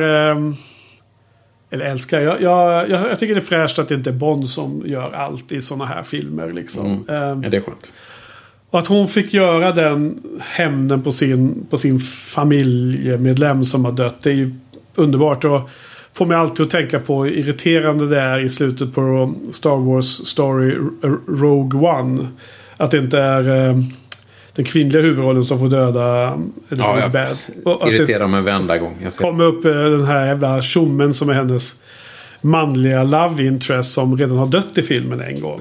Kommer upp och liksom ska rädda henne och döda han i vitt, vad han nu heter. Och hon behöver ju inte räddas liksom. Det känns bara... Ja, nej, jag, nej, hon är ju badass själv. Hon ska ju klart skulle ju... Hon ska ju hämna sin mamma och sin pappa och så. Sen ska de ju... Sen så är det ju end of the time ändå för dem där då. Eftersom Mm. eh, allting sprängs. Men eh, jävla bra slut för övrigt. Rogue One. Fan vad bra den är. Den är riktigt bra den filmen. Fan, Helt klart. Det var så jävla... Jag kommer ihåg när jag såg den på bio. Jag, jag var inte stort fan. Jag tyckte att det var bra. Men det var liksom för mycket nitpicking. Och sen såg jag om filmen några år efteråt. Och wow. What the fuck, det är ju fem av fem liksom. Jag, jag älskar den. Det är Ja, nej, jag- jag absolut gillar en av de bästa Star. Wars-filmerna som finns. Ja, def- definitivt. definitivt. Eh. Den, den bästa i modern tid skulle jag absolut säga. Ja, nu är jag ju så himla svag för Force Awakens. Vet du. Mm, ja, jag vet det. det. Jag vet, det är de två. Det är de två. Det är de enda två som är bra av dem som har kommit. Ja, det kan det, det håller jag med om. Det är klart. Oj då. Nu, nu, I tangentens riktning. det gled vi ut där. Ja. Men du, eh, på tal om eh, Star Wars. Men visst, men, ja. men, ja, eh, eller... Nej, säg Jag du. bara tänkte på den här trilogin, eller triangeln vi Triangeln, pratade om. Ja. Tänkte du någonting med Domino och Largo liksom? Varför var de ihop överhuvudtaget? Ja, hon svarar väl- ju på det. Hon svarar ju på Jo. den frågan i filmen. Ja, det stämmer. Just det. I filmen så finns ju faktiskt en log- logisk... eh, nu Hon säger, hon säger att på- han är hans eh, älskarinna liksom. Ja, att de träffades via hans bror. Ja. Av någon anledning där. Ja. Så det är också lite konstigt. Eh, I boken så, så får man ju aldrig förklaring varför. Nej. Det, vilket är jättekonstigt. Och de har ju varit i Bahamas i sex månader dessutom. Ja, men det var hans så- niece, sa han ju. Ja, eh, i, i, ja, i boken säger de väl det också fast de även säger att så är det ju egentligen inte utan... Eh, mm. Eh, så, så, men i boken är ju sämre i det här fallet då för den förklarar. Det är liksom bara, ja, eh, hon råkar vara eh, systern och Largo vet om det men det är liksom inget... Jaha. Ja. Det finns liksom ingen anledning till Är, att de... det, är det underförstått då att eh, hon är hans älskarinna, eller? Eh, nej, det är inte underförstått. Det är ganska klartext. Mhm. Där. Ehm, men det finns liksom ingen anledning till att de skulle vara ihop. Det känns ju som en, som en eh, risk snarare. Eh, för i, i filmen då i alla fall så, så, så förföljer ju Born spåret brorsan. systern, Jo, men, i, i, eh, men det, är väl, han, det är väl en hållhake på um, piloten? För du sa att han var, att han var duperad. Ja, eh, fast... Ja, i och för sig. Nu får man ju aldrig veta om piloten vet om detta. Hon vet ju inte om att eh. Largo och piloten gör någonting. Eh, men eh, ja, man, får inte det, man får inte reda på att, de, att han vet om att systern är där i alla fall, vad jag vet. Men alltså, tror du inte att... Eh, tror du inte att det är det som är Largos eh, backup-plan om, eh, om han... Eh, Dominos bror börjar jävlas och inte genomföra uppdraget. Så har han, har han systern som gisslan liksom. Det låter ju outtalat. jävligt, låter ju jävligt eh, klokt det du säger. Eh, Det är bra. Tack för, att du, eh, tack för att du reder ut eh, frågor för mig i- som i bokform jag läst Ja. Ja, Ja, men det låter väl helt, helt rätt. Ja, Ja. vad härligt. ja hon, hon, hon, är ju, hon är ju lite härlig Domino ändå. När hon, hon, den där roliga dialogen är när första scenen när eh, Bond liksom ska ge henne någon slags udda komplimang. You swim like a man, säger han till henne. Vilket är en superkonstig komplimang. Och hon, hon tillbaks. So do you. Precis. Ja, men det är det vi pratar om. Dialogen Ja. är ju... Den är rätt bra vass liksom. Ja. Hon är också härlig när, när han... Sista, den, här sista, eller den bra scenen när de skjuter Varga sen. Det är ju liksom... Jag måste berätta, berätta något hemskt. Och då, då svarar hon. Oh, my, sorry, so sorry my dear. It must it have to end eller sånt där. Ja, då, då, så, då gör hon så här mockery över Bond. Och liksom säger det som han, hon förväntar sig att han ska säga. Ja. Du är gift och när jag behöver åka därifrån. Ja. Ja. Ja. Mm, ja, det är bra. Uh, nej, men den har, den, här- den är, jag gillar de långsammare delarna. Jag gillar dialogen, jag gillar karaktärerna. Jag gillar faktiskt skurken kanske mer än vad du gjorde. Och jag, jag, jag inser att slutscenen är, liksom, är någonting. Och det är en ny, de bryter ny mark och allt det där. Men jag, jag tycker inte att den adderar det, det väsentliga för mig i, i filmnjutningen. Då, då. Där kanske du är lite mer eh, pigg på den än jag. Ja, eh, En annan kul detalj, det, detalj som jag vill berätta, prata lite om ifrån dokumentären för de som inte har sett sådana är ju eh, det är en ganska rejäl explosion som blir där när den här eh, snabb, snabba båten smäller in i klipporna. Ja, jag vet vad du kommer att prata om nu. Men ja, visst. Och då, då är han som, är, han som fick Oscar för specialeffekter har ju någon kontakt med någon amerikansk militär som eh, vars namn eh, syntes i Goldfinger. De hade ge- gett en, gett en hommage till honom där va? Han är även med i den här filmen. Är han med i skål- Ja, det, det, det, det är tydligen den militären som sitter med Miss Moneypenny, om jag förstår det. Ah, okej. Eh, Så han, han hjälpte ju även till till den här filmen, då, precis som du kommer säga. nu. Ja, för de, de, eh, de har ju en del militära, det är bland annat någon militära eh, stora båtar och så som är i bild. Mm. Men, ja, men då hade, hade de någon ny, som jag förstår, väldigt ny sprängmedel som var någon Ja. väldigt Fly, högpotent. flytande, flytande Ja, tydligen. just det. Som man inte alls var van vid. Då, den här. Eh, exakt, så de hade inte övat på det här och de hade fått det typ dagen innan. Så de hade inte sprängt med det överhuvudtaget. Och jag förstod också som att det var flytande och det var en jäkla bränsle av något slag egentligen. Men smällen blev ju otroligt mycket starkare än vad han hade räknat med. Och eh, tydligen så, så 30 miles bort som är då... Eh, ja, miles. Det är väl en och en halv kilometer va? Alltså att det är 45 kilometer bort va? Så hade liksom i Nassau i hamnen hade alltså fönsterrutor blåsts ut av, av tryckvågen. Eh, eh, Och liksom båten hade flugit upp i luften. Liksom helt, he- nästan helt... Allting var borta förutom att det som var själva... Det lilla som var kvar av båten hade flugit jättehögt upp i, rakt upp i luften. Och, och Ja. jag förstod det som på dokumentären att anledningen till att de överlevde då, crew, var att de var så nära så att den vågen gick över huvudet på dem. De, de var liksom så nära vattenytan liksom, med film och sådär. Liksom. Så att... Eh, han förstod inte hur stor smällen var för han kom tillbaka till Nassau. Ja, men jag, jag, jag, jag har läst om den också självklart. Och han pratar just om att det, det, det regnade liksom vatten ner tre minuter senare. Alltså det, bara, det, var, det, Ja. så, det blev liksom ett stort hål i havet. Typ. Ja. Bara, allting var... Ja. Ja. Ja, och sen då allra sista scenen är ju att de är i, eh, i den här eh, liv... eh, jag? den här uppblåsbara, Ja. uppblåsbara eh, flotten. Räddningsflottan. Mm. Och sen kommer det en sån här flygplan med en sån där hämta upp-lina. Och eh, det blir så oromantiskt. Och det blir så otillfredsställande. Det är liksom ingen kul dialog. Det är ingen, inga roliga minspel till varandra. Eller liksom eh, slags eh, trevlig avslut på allting. Utan det blir helt plötsligt med ett absurt hastigt ryck. Så är bara filmen slut. Liksom, hela rycket där de flyger upp i luften symboliserar att det bara tjoff så är filmen slut. Det blev liksom ingen... Jag vill... Och vadå? Eh, eh, Vad händer med henne liksom? Hur, hur blir den känslan? Man vet ju att han inte har några kvinnor kvar mellan filmerna. Nu är det tydligen annorlunda i bok, böckerna då. då som, du har, som du har nämnt. Att det kunde... Eh, relationer kunde gå vidare in i nästa bok och sen avslutas i eh, första delen av nästa bok istället för att det är liksom tvärt när äventyret är slut. Men jag tycker att det hela den där konstiga escapen upp där i, i planet blir signifikant eller sym, symboliskt för att inte få någon avslut med, med Domino. Och det var ju som ganska sorglig stämning där ju. Med hennes bror och allting liksom. När hon fick Ja, hans precis. klocka och sådana grejer. Ja. Eh, det är någonting som saknas här tycker jag mig. Ja, men jag håller med dig. Eh, Det, Det är synd. det, det finns ju två av, de andra tre, två av de andra tre filmerna innan har ju också avslutats i en båt. Liksom. Och det, där är det mycket mer romantiskt liksom. Ja. Och, och, och det må vara att det är liksom lite så här... Och, eh, eh, eh, lite så här sexuella undertoner och med skämter och skämt om sex och hit och dit. Att det inte är... eh, men men det, det är ändå en känsla av att det är liksom en skön stämning i, mellan karaktärerna. Här, här, här avslutas med en, med en väldigt sorglig stämning. Och sen väldigt kon... Sen får hon äntligen... Hon får göra hem det. Det är väl bra då. Men sen så är det väldigt konstigt allting. Det, ja, det är något som är fel här.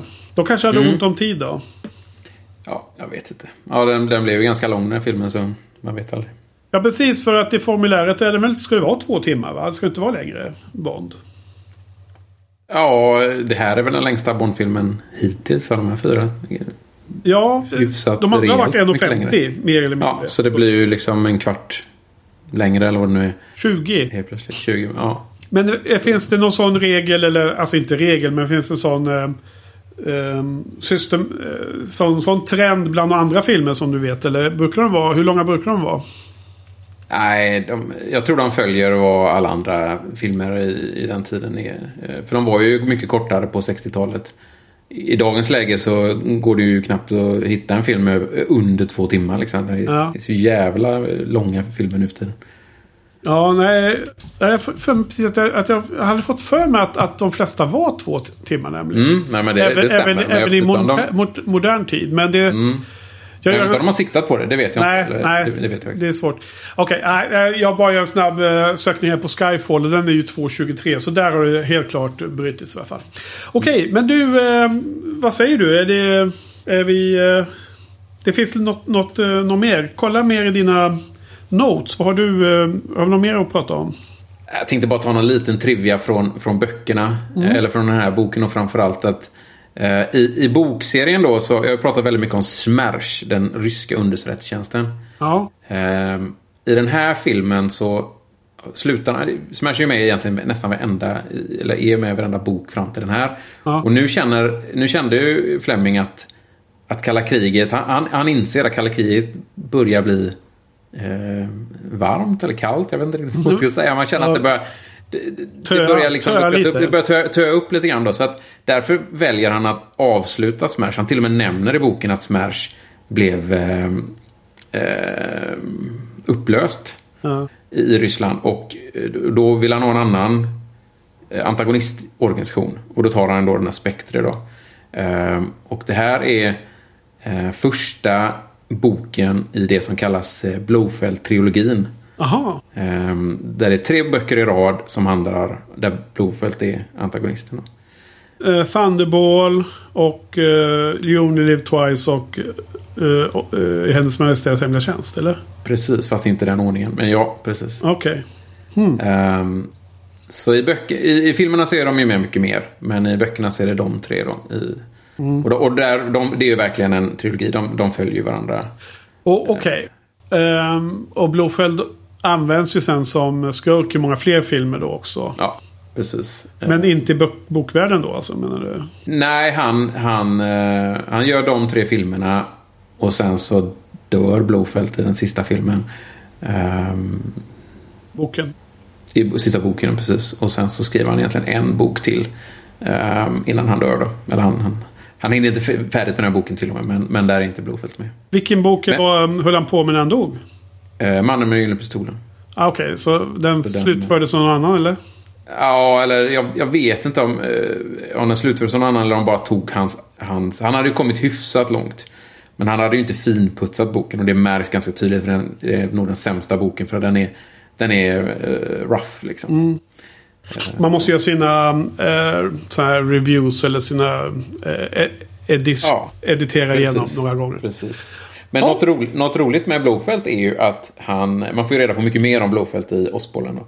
Och eh, av någon anledning så föddes han samma dag som Ian Fleming. Ja. Samma, liksom, så att, så att eh, Blåfelds födelsedatum var verkligen Ian Flemings datum, den 28 maj eh, 1908. Då. Så det är en lustig detalj, jag vet inte varför han gjorde så. ja. Det, det är lustiga detaljer för det är ju han själv som har valt det. Ju, Ja, såklart. precis. Ja. precis.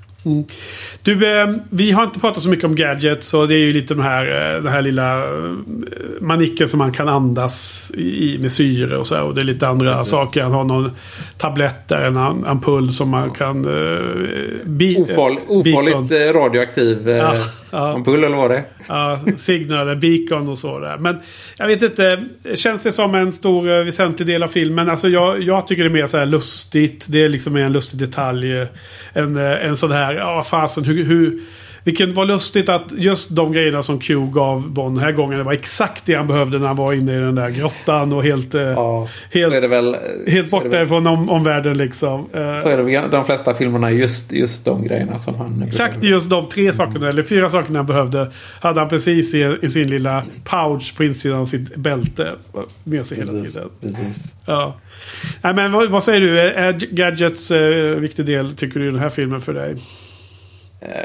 Jag minns ju när jag var yngre så tyckte jag Gadgets var jättecoolt. Ja. Eh, Det har ju helt eh, slutat eh, tycker jag nu egentligen. Det, det, det, det är en, en ingrediens av många i Ja. en Bondfilm. Men för mig så jag har tappat intresset av Ja. dem rätt mycket. Alltså mitt, jag, jag tror det kan vara samma för mig, men mitt minne säger mig att det känns som att det är viktigare aspekt av Roger Moore-filmerna än vad det är för Sean Connery-filmerna. Vad, vad tror du om det? Ja, men det kan jag nog tänka mig. Det, jag tror det gick lite åt det hållet. Eh, Jag tror, jag tror att producenterna såg att publiken gillade de här små gadgetserna. Liksom. Ja. Och därför tror jag de är intresserade mer. Det, det är min gissning i alla fall. Ehm, Nummer ett gadget som är liksom eh, inbränt i mitt minne i, i min liksom ryggmärg nästan. Det är ju från eh, Leva och låta dö liksom. Vi får komma klockan. till det. Den magnetiska klockan. Ja, det finns där. Eh, jag tror det är Leva och dö. Ja. Okej, men du. eh, vi börjar närma oss uh, vara färdig med den här filmen tror jag. Kan det stämma? Mm. Eh, lite fram och tillbaks, lite uh, kaotiskt idag. Men vi har täckt igenom ganska mycket olika saker. Uh, är det din tur? Säga betyg först. Ja, eh, jag stod ju valde mycket mellan en tre och fyra här. Eh, Fyra Ja. har den väl egentligen alltid varit. Men jag kände att den var... Som sagt, den har blivit lite svagare de sista åren. Även om den fortfarande är väldigt bra. Så att jag, jag, kommer, jag väljer en svag fyra. Ja, absolut. Och eh, det, det ger jag också. Jag ger den en fyra. Alltså, jag ger en fyra av fem. Inte svag eller något så Utan den är väldigt klockren fyra. Eh, helt klart eh, eh, den andra bästa av de här fyra. Jag menar den, den är inte i närheten av eh, From Russia With Love. Men den är klart bättre än Dr. No och Goldfinger. Så det blir väldigt tydligt. Mm, en, en, en, mitten av eh, fyran. Och eh, däremot så undrar jag om den verkligen kommer upp på topp fem i den här rundan. För jag känner att den har tappat ett litet snäpp då. då. Men jag, jag tror att jag... Jag, jag gillar eh, Sean Connery här i filmen otroligt mycket. Och det är liksom, man, man, en hel film kan ju leva på en sån känsla som man får. Absolut. Jag menar...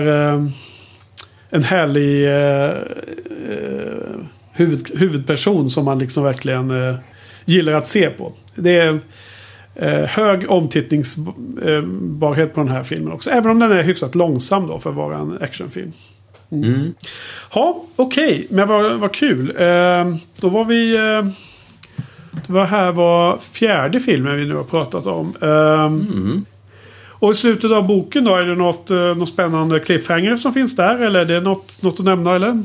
Nej, egentligen inte. Ehm, boken slutar väl med att eh, de båda, då, både Bond och Domino, ligger på sjukhuset. Uh, Domino, eh, Domino efter sina skador som hon fick av tortyren av Largo. Ja. Varmt och kallt, du kommer ihåg det här? Jo, de, de genomförde inte så mycket här i filmen, men det är mer i boken kanske. Ja, hon är ju klart bränd. Eh, Ja. Och antagligen nedkyld på så, eh, över armar och kropp och så. Eh, och Bond är också på sjukhuset efter eh, striden då. Så att, eh, den slutar väl egentligen med att eh, Bond blir väldigt... Eh, tvingar sig upp ur, ur sjukhussängen för att ta reda på att Domino mår bra. Och sen svimmar han på golvet framför eh, sjukhussängen. Och Domino eh, eh, ja, tittar på, på honom och, och känner sig eh, lugn och trygg och, och somnar med Mm. han framför sig. Typ. Okej. Ja. Så det, ingen, ingen direkt cliffhanger för eh, nästa bok som kommer kommer vara eh, något helt annat. Så att... Eh, Okej, och nästa film som blev då, det är alltså det här... Eh, man lever bara två gånger, vad heter den på svenska va? You only live Ja. twice. Only live twice, Mr. Bond. Och då har det gått två år till nästa film. Och eh, mm. det är eh, eh, den femte med Sean Connery. Och sen byter de faktiskt skådespelare till filmen efter. Så att det är den, den, den, den, sista för, för den här rundan, om man säger så, som blir nästa film. Mm. Okej, men vad bra. Eh, Okej, är du färdig för kvällen? Jag är färdig för kvällen. Jag också. Då tackar vi, eh, tack Patrik. Och, tack Henrik. Ja, och tack till alla lyssnarna. Och på tack, återhörande nästa vecka. Adjö. Hej då.